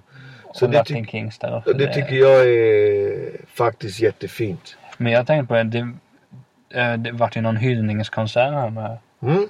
Det var ju också liv, ju liv kring det också. Och- Men det har jag ju läst på där för att, eller du kan ju dra det lite kort men det, vad handlade det, alltså om man ska säga, I och med att vi vann det här priset och då skulle de göra en hyllningskonsert till Latin Kings. ja.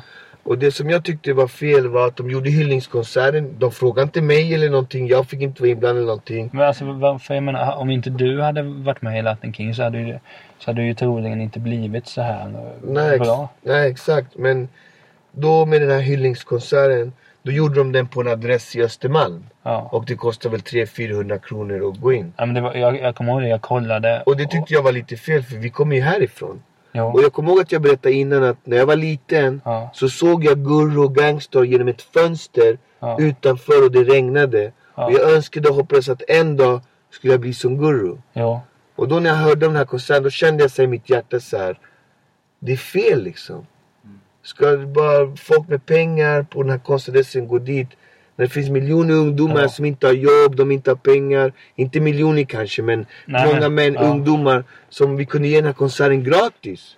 Vi är härifrån, ge den tillbaka hit. Smäll upp hela konserten här så att alla förorter kan komma hit och se konserten gratis och göra någonting. Men det var just det, för jag kommer ihåg. Det var det jag tyckte och därför när de inte gjorde det då vad heter det, då blev det så att jag eh, vad heter det inte ville gå på det där längre. Ja. Jag kände bara det här har inget med Latin Kings eller mig att göra. Eller någonting. Blev du inte ens bjuden till den? Jo jag blev bjuden. blev bjuden. Ja jag blev bjuden men Ja, jag med, Alltså jag om man, med gör en, om man gör en konsert till någon som man tycker om då kan man ju fråga den lite vad tycker du om? Om du fyller år då kan man fråga dig vad önskar du dig i, i present? Ja ah, det här eller det här, okej då vet vi lite eller vad tycker han om? Ah, han tycker om champagne, ja vi köper lite champagne till honom. Men det är just det som du här var ju säger. ingen fråga om någonting, ingen frågade mig någonting liksom. Så det kändes som, det handlade inte om mig längre. Och då kände jag såhär, vad fan ska jag göra där? Och det roliga var att det var bara Sall och Sheppe som var där. Jag tror inte Daddy Boastin var inte där, Dogge var inte där. Våran första manager Jossan Lindgren var inte där. Rodde var inte där. Eh, Gordon Cyrus som producerade vår skiva var inte där. Det var Var ingen... Neddy Silver där? Han var väl med en sväng? Ja, han var kanske där. Men det var ingen av Latin Kingarna där liksom som var med från början. Och, och det tyckte jag kändes så här skitkonstigt liksom. Det var så fel på något sätt. Ja men det är ju som du säger, för jag kommer ihåg att jag kollade att för det skulle vara så jävla kul att se en hyllningskonsert. Men Ja. det är ju som du säger, 400 spänn hade det kostat eller någonting. Ja, ja. Och det är ju som du säger, jag hade ju hellre tyckt att det var mer att... Alltså då när man tänker som att, om man tänker som så här att Latin Kings att... Exakt, Latin Det, Kings det, är det, känns som, ja, men det känns som det att, att, att det är som du säger ett förortsband.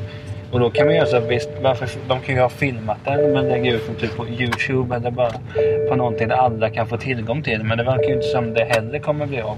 Nej, jag vet. Jag har ingen aning. Jag tyckte Nej. bara det kändes helt Ja, men det, var utöver ju, min värld liksom. ja, men det var jävligt trist att det blir så. Men, Ja, men det är, så är världen. Den blir inte alltid vad man vill liksom. Det är ingen, jag, är inte, jag är inte bitter eller tjurig för det. Jag, jag, jag struntar i det där liksom. ja, men sen kan jag tänka att, att tänk vad det hade gjort om man hade haft om man hade lagt det, om man hade haft konserten, en stor då konsert med de tyngsta namnen i svensk hiphop och, och lagt den här. För jag menar, fixa sponsorer och sånt hade ju säkerligen inte varit särskilt svårt en sån grej. Ja, alltså, jag har ingen aning. Jag tyckte bara att det skulle vara här liksom. Eller Ja. på något sånt här ställe. Det kunde vara i Rosengård, det kunde vara i Botkyrka, det kunde vara i Rinkeby, Tensta. Eller ett ställe Ja. i Kalmar vad det heter. På något sånt ställe skulle det vara. Det är det som var själen i Latin Kings. Att vi kom från ett sånt här ställe. Kolla det här huset med 200 miljoner paraboler liksom. Ja. Förstår du? Du, På sån här ställe konserten skulle vara. Ingen annanstans. Det är det som jag tyckte var fel liksom. ja, men det kan man ju förstå. Jag menar, det, att för min del så jag hoppade av. Jag sket i det där liksom. men vi säger så hypotes. Om de, om, de, om de hade lagt den i någon förut, hade du då kunnat tänka Då hade jag varit med. Ja. Då hade jag ju suttit där och varit med och kollat. Men det var ju så att det kändes oäkta det här. Ja, det säga. kändes på en Östermalm som det kostar 400 kronor. Vilka var det som har betalat det? Så här rika reklamare som kommer från stan liksom. Ja. Det kan inte vara någon härifrån. Det tror jag liksom. Men jag tänker som så här, nu är du ju faktiskt aktuell med en självbiografi också.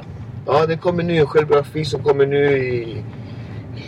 I vad heter det? Höst. Och det Är den ska... färdigskriven? Den är färdigskriven och inlämnad och klar allting. Så den kommer nu när som helst alltså. Det ska bli riktigt kul alltså. Det ska bli kul. Ah. Jag kommer ju ringa till dig och säga vad jag tyckte om den sen. Jag hoppas det kommer. Nu är det så att jag har inte skrivit den. Det är en författare som har skrivit den. Ja. Som jag gav uppdraget. Skriv den liksom. Så det blir aldrig 100% sådär liksom. Men jag tycker att jag är ändå nöjd. Det blir bra liksom. Men jag menar, det Det, har... det behövs. Det är många som har frågat liksom. Och sen får man ju säga, jag får vara glad. Jag är bara 39 år och får skriva redan en självbiografi. Eller? Det är helt okej liksom. Det är coolt. Det är okej alltså. Men jag tänker på det att i den här självbiografin, och jag vet inte hur mycket man får säga så, men är det då så att man har snackat med så här gamla polare till dig? Ja, och- man snackar polare, föräldrar. eh, Ja, alla som har varit runt omkring under hela den här resan som Ja. man har gjort liksom. Så det man får höra då, det är... Man får hela historien alltså. Hur, hur, hur Dogge var, är. Ja, exakt. Hela Doggy story liksom. Det handlar om Doggy, det handlar inte om Latin Kings. Och inga Men vi säger så här, kommer det, Latin Kings kommer väl tangeras måste det väl göra i alla fall. Men, Hur menar du tangeras? nej, men så här, man, man kommer väl nämna The Latin Kings. Ja, också. det nämns ju också. Det är ju en del av storyn liksom. Men i huvudsak så är det liksom eh, Douglas Dion. Exakt. Men så en grej jag har tänkt på som slog mig när vi fick kontakt du för första Mm. gången. Den storyn kan vi ju dra. Det var ju faktiskt så att du, du ringde mig här vid sju någon dag liksom. Mm. Och då just hade jag haft problem med, det var folk som hade busringt till mig och så. Ja. Och så när du, du ringde bara så här, dels där tyckte man att det var ju, alltså, man har ju lyssnat TLK liksom och dina Ja. grejer så det är ju stort. Ja. Men sen jag menar, det säger jag inte för att fjäska men jag, jag har ju inte träffat någon som är så jävla trevlig som du är. Ja, tack. Vad jag menar, alltså. ja, men jag menar det är inga... Ja, men jag tycker att det är viktigt också alltså. ja, men ta som det de senaste dagarna, så- vi har ju, jag har ju ringt, vi, vi har ju ringt fram och tillbaka, smsat fram och tillbaka hur länge som helst. Och jag menar det här är ju en, eh, liksom bara en, en vanlig, vad heter det, en vanlig podcast som, ja, som i princip vem som helst ka- kan spela in och göra. Men menar att, att du just är där och ställer upp, det är ju det som gör att man jag kommer ju alltid respektera dig för det just för att du är som sagt. Exakt. För Det är som du min är- affärsidé också. Man ser. Här, Du vet är, här är Fittja också. Man ser Ja. eh, andra betonger som är våra grannar. Typ. Det är samma ungefär. Det är, ja, allting Fittja, Alby, Norsborg där borta.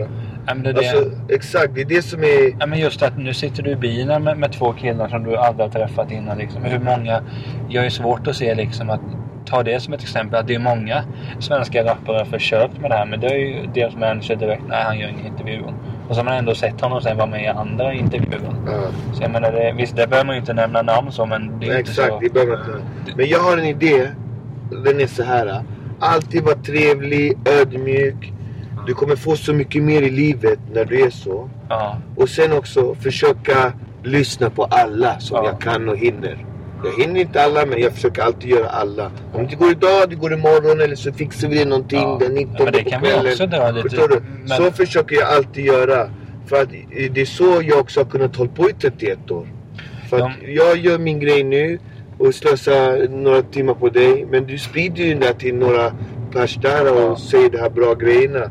Och det är så man överlever liksom. Det, Nej men det är just det, för jag menar det kan vi också dra att jag var ju med mitt jobb ute i Nynäshamn på en konferens Mm. och då när vi snackade lite Fan du var ju beredd att åka ut dit och göra intervjun liksom.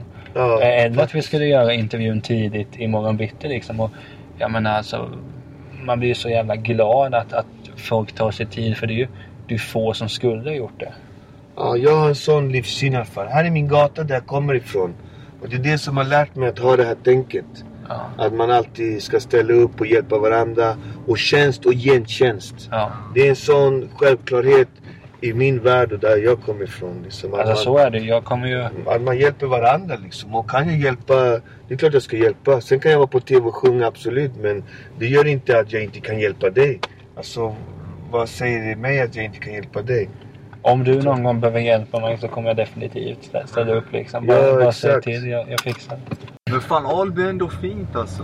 Ja, det är fint. alltså- Jag är från den här 27an. 27 år. Ja. Det här 80-talet, här var det hållit igång. Alltså. Så här är min port. Här kommer jag från. Fostrad och född här. Jag har bott här i 24 år. Flyttade härifrån. Till nästa gata upp där. Det är väldigt många betonghus här. Så det finns hur många som helst. Alltså. Men jag åker på motorvägen på natten och ser ni så mycket hus. Alltså. Det är fullt. Och här rhymar man och breakade och allting. Och det är åtta våningshus. Alltså det är 14 familjer i varje port. Så det blir mycket folk alltså. Men jag menar alltså det, det är för, för då... Jag menar det måste jag ha gjort. Alltså det, man, man blir väldigt... Vad ska jag säga? ku- Kulturell och så när man... Ja, ja, alltså, ja, jag jag hade folk från hela världen Ja, liksom. men jag tar, Jag lät- I mitt fall, jag, alltså, det, det låter ju så jävla sjukt där men jag träffade ju... När jag var 13 Ja. så såg jag min första invandrare. Exakt. Alltså det, det är inte okej liksom. Nej. Ja, men Här, på- här blir man översocial. Man får kompisar från hela världen. Från alla kulturer. Man lär sig så mycket och jag tror att det är så nyttigt. Ja. Det är så här Sverige kommer se ut. Det här är framtiden. Och här, så här ser världen ut också. Vi bor redan i hela världen liksom. Vi behöver inte... Vi, det gör oss överkompetenta och det är jätteviktigt jag, just för barnen och det där. Ser du, du kommer ihåg en sån där grej men när vi var, vi var, för oss fanns det redan folk från resten av världen när vi var små. Så Ja. Vi har bara träffat folk från... Här var kanske Så det. svenskar mer ovanliga. Ja, Nej men jag menar så, som för mig vart det ju en alltså en startsträcka så att säga. Men, men det är klart, alltså inte, inte på ett rasistiskt sätt men Nej, det, var jag det var ju det. ovanligt att träffa ja, jag första, det. första juggen när man var 13 liksom. Ja, jag förstår det. Ja, jag men jag menar, alltså det är ju inte okej att det är, för jag menar... Det, Nej, alltså, du blir ju på ett sätt lite handikappad tror jag. Jo Liksom. alltså... Det, Att du blir lite insnöad i, i din värld så. Jo, jag För menar- världen är ju så här. Ja, men jag menar det är ju så här det ser ut. Jag I menar, hela det, världen, exakt. Alltså det, ja, så så är det ju. Jag menar det får ju... Kolla de här barnen liksom. Och alla olika färger liksom. Men det, det, det här är den, den vackra sidan av Sverige. Det här är mycket mer vackert än jävla Östermalmshallen eller någonting. Jag tror här att, jag tror att framtiden ligger här liksom. Det här du kommer... Det är så här det kommer se ut i resten av Sverige också i framtiden. Så här Ja. ser det ut i många länder överallt liksom. Det är grymt kul, man läser många olika språk. Ja, kulturer och Ja. folk och och allting. Allt, allt. Du, du har hela världen runt hörnet liksom. Och det är, jag tror att det är en fördel. I, i fram, för framtiden så är det en fördel. Och här ser du betongen här nere. Vi var just uppe i berget liksom. Nu går vi ner. Så det är lite häftigt. Så man, man kan ju allt om Alby efter här nu när man har åkt med. Ja, så... Det är inte jättestort men det är inte jättelitet heller. Nej. Nej. Alltså-. Bara i Botkyrka bor så här 80-90 000 människor. Men Det är ganska mycket ändå. Ja, det är mycket folk här du, du har pizzeria, alltid öppen, pub och grejer. Har en god kebab här eller? Ja, absolut. Ärligt talat mannen, finns det god kebab i Stockholm? Ja, det finns här. i- Botkyrka har ju, Botkyrka ju kebab-tillverkning. De tillverkar kebab här. Nej. Jo, jo. Va, det är så jag hoppas den är god man, för jag har letat god kebab i Stockholm. Hoppas. den. Men nu är den stängd för nu är centrum stängt. Ja. Fuck. Men du ser ju här, här är hela världen liksom. Det är säkert minst här 20 olika länder bara av de här människorna du ser här liksom. Men det är det som är så jävla vackert. Men det är som du säger, det är så här Sverige kommer se ut. Ja, det är så här Ser Sverige kommer se ut. Det går liksom inte att... Ja, alltså Det går inte att ändra liksom. Det är redan för sent. Om de inte ville ha det så här, då skulle de kört sin politik för 20-30 år sedan. Jo, Nu, nu, nu är det lite sent påkommet liksom. Du kan Berin, inte slänga ut två miljoner människor. brinner du mycket för pol- politiken eller? Egentligen inte liksom. Men jag tycker ibland är det lite töntigt att höra folk på TV hur de uttrycker sig och sådär. Jo. Fast de uttrycker sig ännu värre när vi var små liksom. Jo, jag menar det är som när man har... Ja, jag menar, ja. Det var en helt annan tid och vad man har förstått så när man har pratat med, med folk som är lite äldre. Här är centrum. Här är lite, här är lite mer rougare om man säger. Ja. Här är, ja, här är lite mer... Jag måste säga på snyggt sätt. Liksom. Ja, Här är lite tuffare. Här händer det grejer om man säger. alltså, Vi kan åka till den värsta gatan, eller kändaste gatan i Alby. vilken är det? Först är det Albyvägen, det är den som är i centrum, absolut. Men om man ska ta en gata som är vanlig, det heter Lagman Läckares väg. Där, så här börjar krossarna komma fram utan hjälm, utan någonting. Har varit kör Standard. Det är standard. Och liksom... Där är Botkyrka kyrka. Den är där borta. Ja, ja. Du ser den sticker fram där. Det är Sveriges äldsta stenkyrka Jaså? från 1128. Shit. Det är ganska många Det var lite bara man en åker här. Nu är det sån handelsplats som har byggt. Ja. Du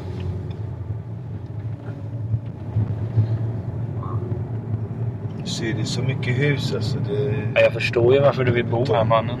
det är betong överallt. Betonghus. Men samtidigt är det mycket grönt. Jo. Och grönska och fint. Men jag menar, det måste vara bra för jag menar som dina kids som väx, växer upp i ett sånt här område.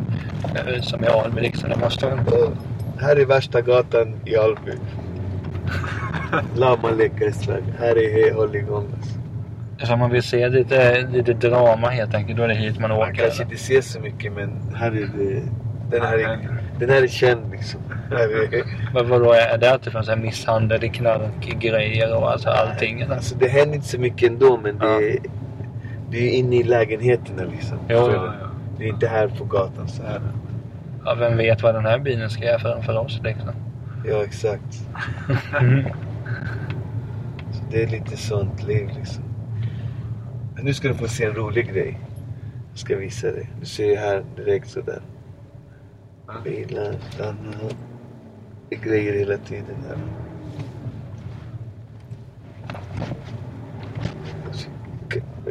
Kan- du gissa vad det där är för något? Ja, jag vet inte. Men gissa, gissa du också. Vad är det det, för någon, någon idrottshall eller någonting känns ju rimligt. Eller moské. Här kommer min präst också. Hallå? Hallå? Psst. Ha- Det, jag är etiopisk ortodox. Jag döpte mig med etiopierna. De är de äldsta kristna i världen typ. Så, så jag var i Etiopien så jag blev helt frälst. Så jag bara, men jag vill vara med. Men tänk- Har ni klurat ut vad det där är för något? Alltså jag kan tänka mig sen i, alltså, Va? det står ju kök så det kanske kan vara något med mat. Jag vill inte åka nära så att du skulle se några skyltar. Jag skulle se men nu har jag lärt. Men Ja. vad tror du då? Alltså första tanken var att det var någon idrottshall av något slag. Det måste ju vara någon slags restaurang. Ja. Nej, det är dagis. Va? Dagis?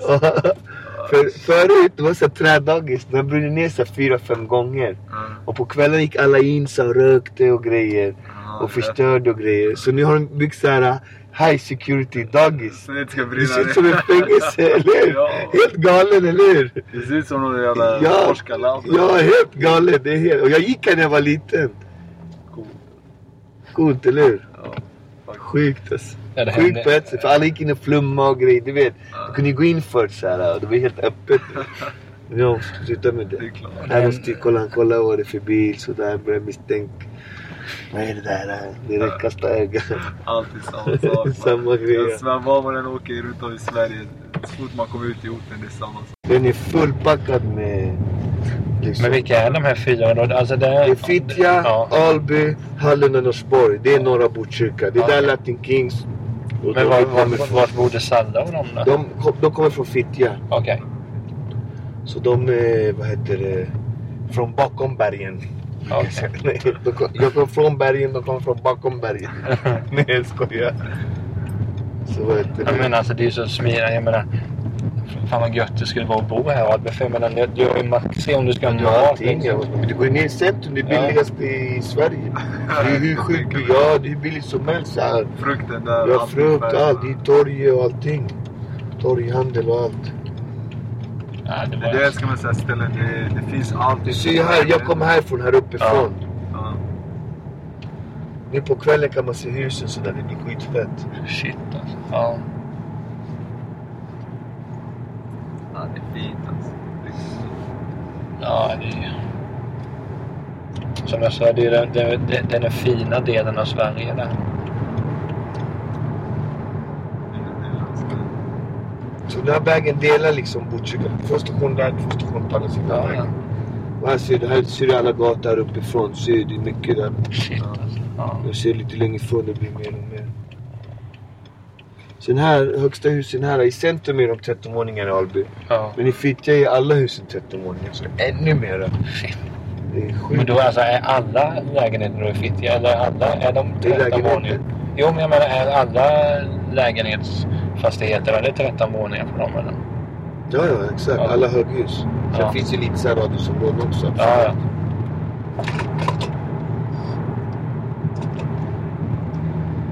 fan, det var ju oerhört givande att åka runt så och kolla och... och Ja, det här är med på kartorna i skivorna. Här, är ju, här har vi tagit flera omslag från skivorna. De flesta är från Fittja. Alltså det här är The Latin Kings land så att säga. Ja, ja, det här är riktigt Latin Kings land. Allting här, vi är härifrån liksom. Det är här vi rappar, sprang runt och gick runt när vi var små. Sprayade på väggar och... Alltså ni höll på med graffiti också då? Här kommer vi in i, i Fittja då. När vi, var i Alby nu tidigare. Ja. Här ser du ju höghusen som poppar upp som svampar liksom. De här är rätt höga, det är 13 våningar. Det är höga höghus liksom. ja. Och här är ännu mer folk, för jag tror det är fyra eller sex familjer på varje våning. Så de är fullsmockade. Men hänger du mycket i Fittja också eller? Nej, inte så mycket alltså. Jag hänger inte så mycket. Jag bara hem och jobb, hem och jobb. Så Ja. man är inte ute så mycket. Men man handlar ju på alla ställen runt omkring här liksom. Ja. Där ser du tunnelbanan, en gammal tunnelbana också. ja. Som kommer, vad häftigt. Och det är precis där vi har tagit omslaget till Välkommen till förorten. Alltså det är här precis. Ja, det är precis där. Och, och, och mitt kvarter är också tagen därifrån. Och Skuggan och betongen är tagen därifrån. Så tre album är tagna foton härifrån. Det är fantastiskt. Men det var då ett medvetet val för att visa det att ni, är förorten helt enkelt. Ja, vi är härifrån. Det här var ju som Bronx när vi var små tänkte vi. För Ja. Bronx går ju tågen också sådär. Ja. Mellan husen. Men hur känns det nu? Alltså så här, nu när ni har haft era karriärer och allt. Ni har verkligen banat väg för svensk hiphop och allt sånt. Ja, det känns hur kul. känns det? man? Det är ju jäkligt Här är första omslaget. Nu är det massor med buskar och det som inte var när vi var små. Ja. Eh, så kommer jag ihåg tåget kommer så fotningen där. Ser du det här elhuset? Ja. Baksidan på skuggan av betongen. Ja. Det står så här TLK så sitter vi så. Ja. Det är det, det är elhuset också.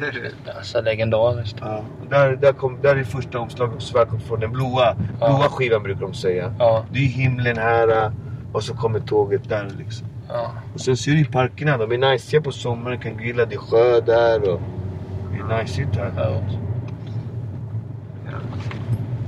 Så det är, Helt fantastiskt. schysst sådär. Så om du, om du kollar härifrån då bor jag där uppe liksom. Ja. Så jag bor mellan gränsen mellan Fittja och Alby kan man Ja, säga. okej. Fast jag bor i Alby, det tillhör Alby men Ja. det är bara att gå ner för berget så är jag i Fittja. Ja. ja. Så, där håller de på och bygger massa. Men det var så här runt ifrån Här är som... multikulturellt center också. Ja, ja. Här är Fittja äng. Så det var då här Salazar-bröderna? Ja, de är härifrån. Ja. Här ser hur de byggt nice. Badhus här eller? Här är Fittjabadet. Så. Ja. Jag menar, det, det, det verkar ju finnas allting man önskar sig. En fotbollsplan här. Ja, här är tre Ja, fotbollsspelare. där också. Där borta finns den där målningen också av Killer. Jag vet inte om du... Våran turnéledare. Om du skymtar, Ja. ser du där borta? Ja. Där borta är en graffitimålning. Alltså, ja just det. Larsson, vår ja. turnéledare. Men han gick bort va? Han gick bort, ja, han Ja. dog. Så vi gjorde den där graffitin till honom. Den är kvar fortfarande? Den är kvar, den var där sedan 98. Tyvärr kan vi inte åka dit eftersom de har stängt av allt. Nej, men jag menar, det, det är ju... det är fint att man fortfarande har kvar den för jag menar. Här har även kungen Carl Gustaf varit hälsat på här i Multikulturellt centrum. Ja, ja. Men Det verkar ett händelserikt liv för man vill ju, man vill ha lite av det. Man åker runt, man, man träffar några och, och bara hälsar och, har det gött liksom. Vad mer kan man, vad mer kan man begära? Men du, du skulle inte byta Alby mot någon, något ställe att bo på? Eller? Inte i Sverige i alla fall. Nej. Om jag flyttar, flyttar jag utomlands liksom. Venezuela kanske? Ja, exakt. Jag, ty- jag trivs bra här. Det är okej liksom. Här är ju som att bo utomlands. Jo, ja. det kalla vädret liksom. Ja. Den lilla detaljen. Här bodde Salla och Cheppe. De var uppväxta där. Där är deras lägenhet. Men alla de tre, de var bröder? De var bröder, exakt. Cheppe och, och Sanna? Jag växte upp med Salla. Han gick i min klass. Ja. Och så började Sen hakade Cheppe på lite. Och Masse var aldrig med egentligen. Han var för liten när det begav sig. Liten skit. Men han lärde sig. Han växte upp i studion så han lärde sig Ja. studion ganska bra liksom. Efteråt så blev han väl bättre än bröderna. Det brukar vara så. Min Jo. brorsa var hiphopparen. Jag blev bättre än min brorsa. Här kommer vi upp till Fittja centrum. Här är ungdomens hus och sådär. Här är Fittja centrum också. Här är Bandolero-stället. Och det där som finns här, affärer och bussar och allting. Fantastiskt. Här hänger de på riktigt. Här ser det. Det finns mer att att visa. allt. Vi har fängelse också som man kunde visa där jag satt. Ja. Lite roligt. Vi, även i Botkyrka finns det ett fängelse också. Sjukt. det är eget fängelse. Heter Är det de från Botkyrka som får sitta där då? Nej, hela landet alltså. Svarten, det senaste är att eh, som suttit där är Svartenbrand. Alltså han har satt här i Botkyrka? Jag tror det Stig Berling har suttit där också. Shit, det är ändå... Ja, fina namn är väl svårt att säga kanske. Ja, Kända namn i alla ja, fall. de är kända. Nej, men så här kom Chepp ifrån. Sen hade de studion i Norsborg den tredje Ja. stationen. Så det, det är det som är norra Botkyrka. Och här, och här, på det här, här är 97% från resten av världen. 97 procent. 97%. Så det här är ju inte Sverige längre liksom. Nej. Det här är ju något helt annat. Det är väldigt mycket folk från resten av världen. Liksom. Det blir det blir en speciell grej då liksom. Jo. Det, ja. Det är viktigt att komma ut och se hur... Alltså, Ja. Men nu åker jag tillbaka. Jag kan köra till Norsborg om ni vill. vad sa du? Om ni vill se Norsborg också. Om ni hinner. Eller ska jag släppa er vid tunnelbanan? Alltså det... Vart du vill. Vilket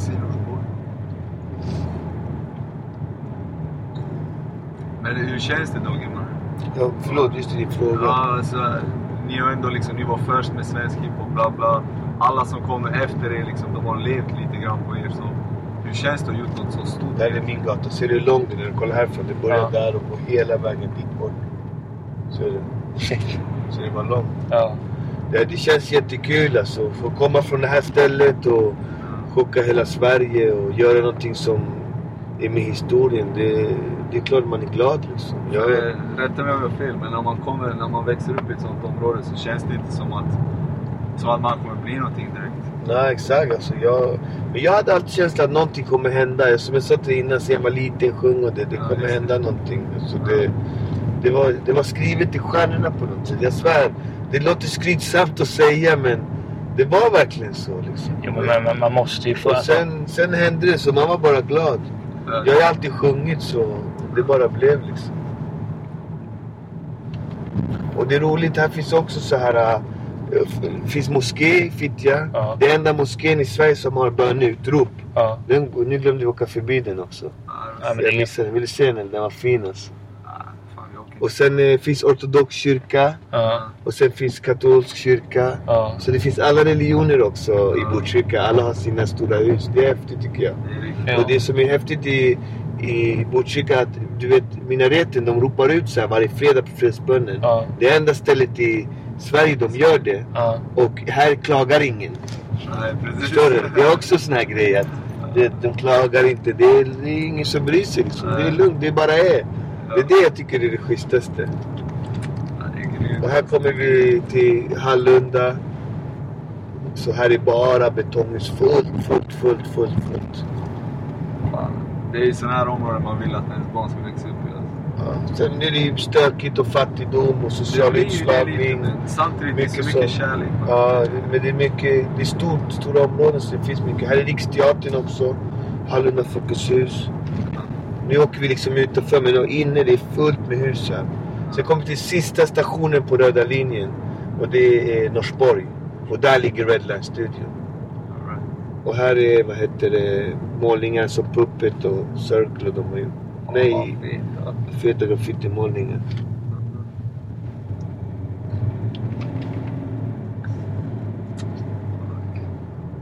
Fantastiskt.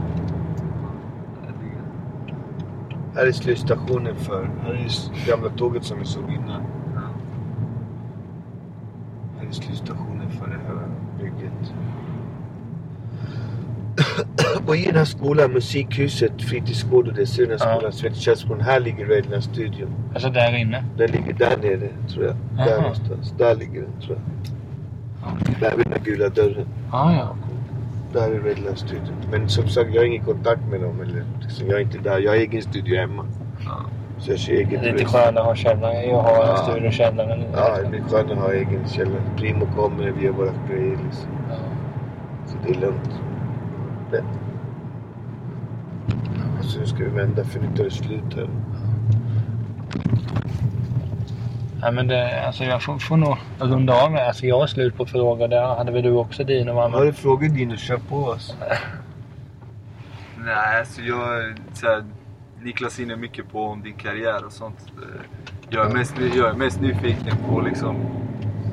eh, Den här tiden, alltså tiden innan liksom, när ni växte upp där och ni höll på med innan rappen och sådana grejer. Det blir det är ganska brett liksom, ganska mycket att snacka om. Ja, vi växte upp här och vi... Man drömde om att bli rappare liksom.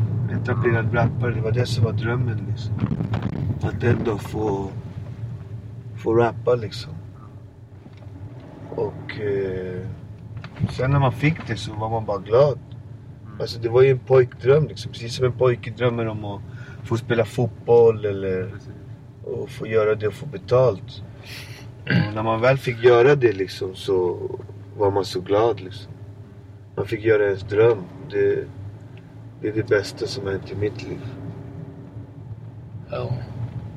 Ja, det är inte många som får uppleva sin dröm. Alltså. Nej, men det, är man ju väldigt avundsjuk på. Fast vem vet? Du och jag Dino, vi kanske... Drömmarna kanske slår in. Men ni har väl andra drömmar liksom? Jag Jo. tror också, om man har drömmar så är nyckeln oftast... Hårt arbete. Man Jo, måste men jobba det. hårt. Det finns Ja, ingen genväg liksom i livet. Man, Och det är man som måste jag jobba menar, hårt. vi har ju nämnt Zlatan väldigt mycket i den här intervjun. Och jag menar, han har ju slitit Ja, han har ju slitit hundra. Alltså det, Han är ju det- förebild liksom även för, för mig liksom. jag menar, det är ju Så- samma sak med er. Ni, jag måste ha suttit i studion alltså, hur många timmar som helst. Ja, alltså jag har rappat, säg det, jag har rappat i 31 år. Det är, jag, jag, jag brukar säga till ungdomarna, i framtiden, om typ 40 år, då kommer jag vara med i Guinness rekordbok som världens äldsta rappare. Förstår du? Jag började rappa 83. Vi ser inget slut. Jag kommer, jag kommer vara Guinness rekordbok holder liksom. Jag kanske inte gjorde mest skivor, jag kanske inte gjorde men jag blev den äldsta rapparen. Liksom. Jag kommer alltid stå vid din sida. Ever liksom. Förstår du? Det är det som är det roliga. Det är väl det roliga med det hela liksom. Ja. Så vi åker tillbaka till Alby nu. Jag släpper det där. Ja. Och så har ni frågor annat, det är bara ringa i om det är någonting. ja. Nej, men jag får i alla fall tacka dig enormt mycket för att du, liksom. Ja. Eh, att, du, att du ställde upp för intervjun. Och- Nej, det är lugnt. Jag sa ju det. Vi fixar det. Gör någonting bra utav det liksom. Ja, jag tror det har blivit mer än bra liksom. Jag känner att Sen får du klippa och klistra och Ja, men det- spela det lite låtar vi. emellan. Och... jag får, får vi, vad heter det, får jag tillgång att spela några av dina Ja, ja, låtar mina i kan spela hur mycket som helst. Ja. Du får ju lyssna, lyssna på det ingen, själv. Jag kör Latin Kings också. Det är kul Men alltså- kör något Men hur, men hur funkar det alltså rent hypotes? Om jag hade spelat Latin Kings. Räcker det om, om du ger mig tillåtelse eller måste alla, alla i gruppen göra det? aning alltså. Nej men spela får man väl göra hur mycket man vill. får man inte. Jag, Nej, alltså jag vet inte. Man, Nej, men vi säger som din musik, den, den kan jag bara, den bara skicka ut den liksom. Ja, det är bara spelas. Det är bara på ett. All becenterna. Men vi tänker som så här, bara sista frågan lite. Hur ser du som på nedladdning och sånt? Alltså, Nej, det är, det, är, det är redan här liksom. Det Ja. inget som, det är ja, inget men jag menar som så här, är du en av dem som...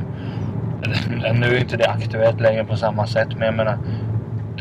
Om, om du var tvungen att välja sida, står du på den här att nej, du ska aldrig ladda ner det. Att, ja, det är klart, man Det laddar kommer ner. alltid finnas grejer som liksom... Det det är en del av människans utveckling. Liksom. Det Ja. tillhör livet. Ja. Det är ingen idé att vara arg eller grinig på det. Det bara finns. Så är det bara. ja, men som sagt, Men jag det är klart, det gjorde ju att man fick mindre betalt. Så man Ja. kan inte vara jätteglad över det. Liksom. Vad ska man göra? Det, det är en del av grejen liksom. Men som sagt, jag tackar dig för den här intervjun och sen eh, hoppas jag att vi ses någon annan gång. Det gör vi säkert. Tack så mycket men det här är Dog Doggelito och Kuten Totalish. Jag får cash idag, skulle jag tjacka ny skjorta Tagga ner på stan och bara softa med min brutta. Köpa någonting till henne som hon tycker om. Kanske tagga till studion, lägga denna feta sång. Eller stanna någonstans och bara späcka hennes blus. Släcka alla lampor för hon gillar inte ljus. Hon gillar myset så börja med lite bus. Jag kan vara katt och hon kan vara mus. Eller bara spendera allt totalt på fet bling-bling Skina som fan men i fickan finns ingenting. Eller en bukett, det finaste blomman jag vet. Bara baxar kyssen, direkt i kärlekens lek. Eller kanske bara klippa mig i leken frisyr Lägga fel parfym, lukta gott och verka dyr Cashen flödar, cashen dödar Allting spinner men bunten fick hon bara fick cash idag cash idag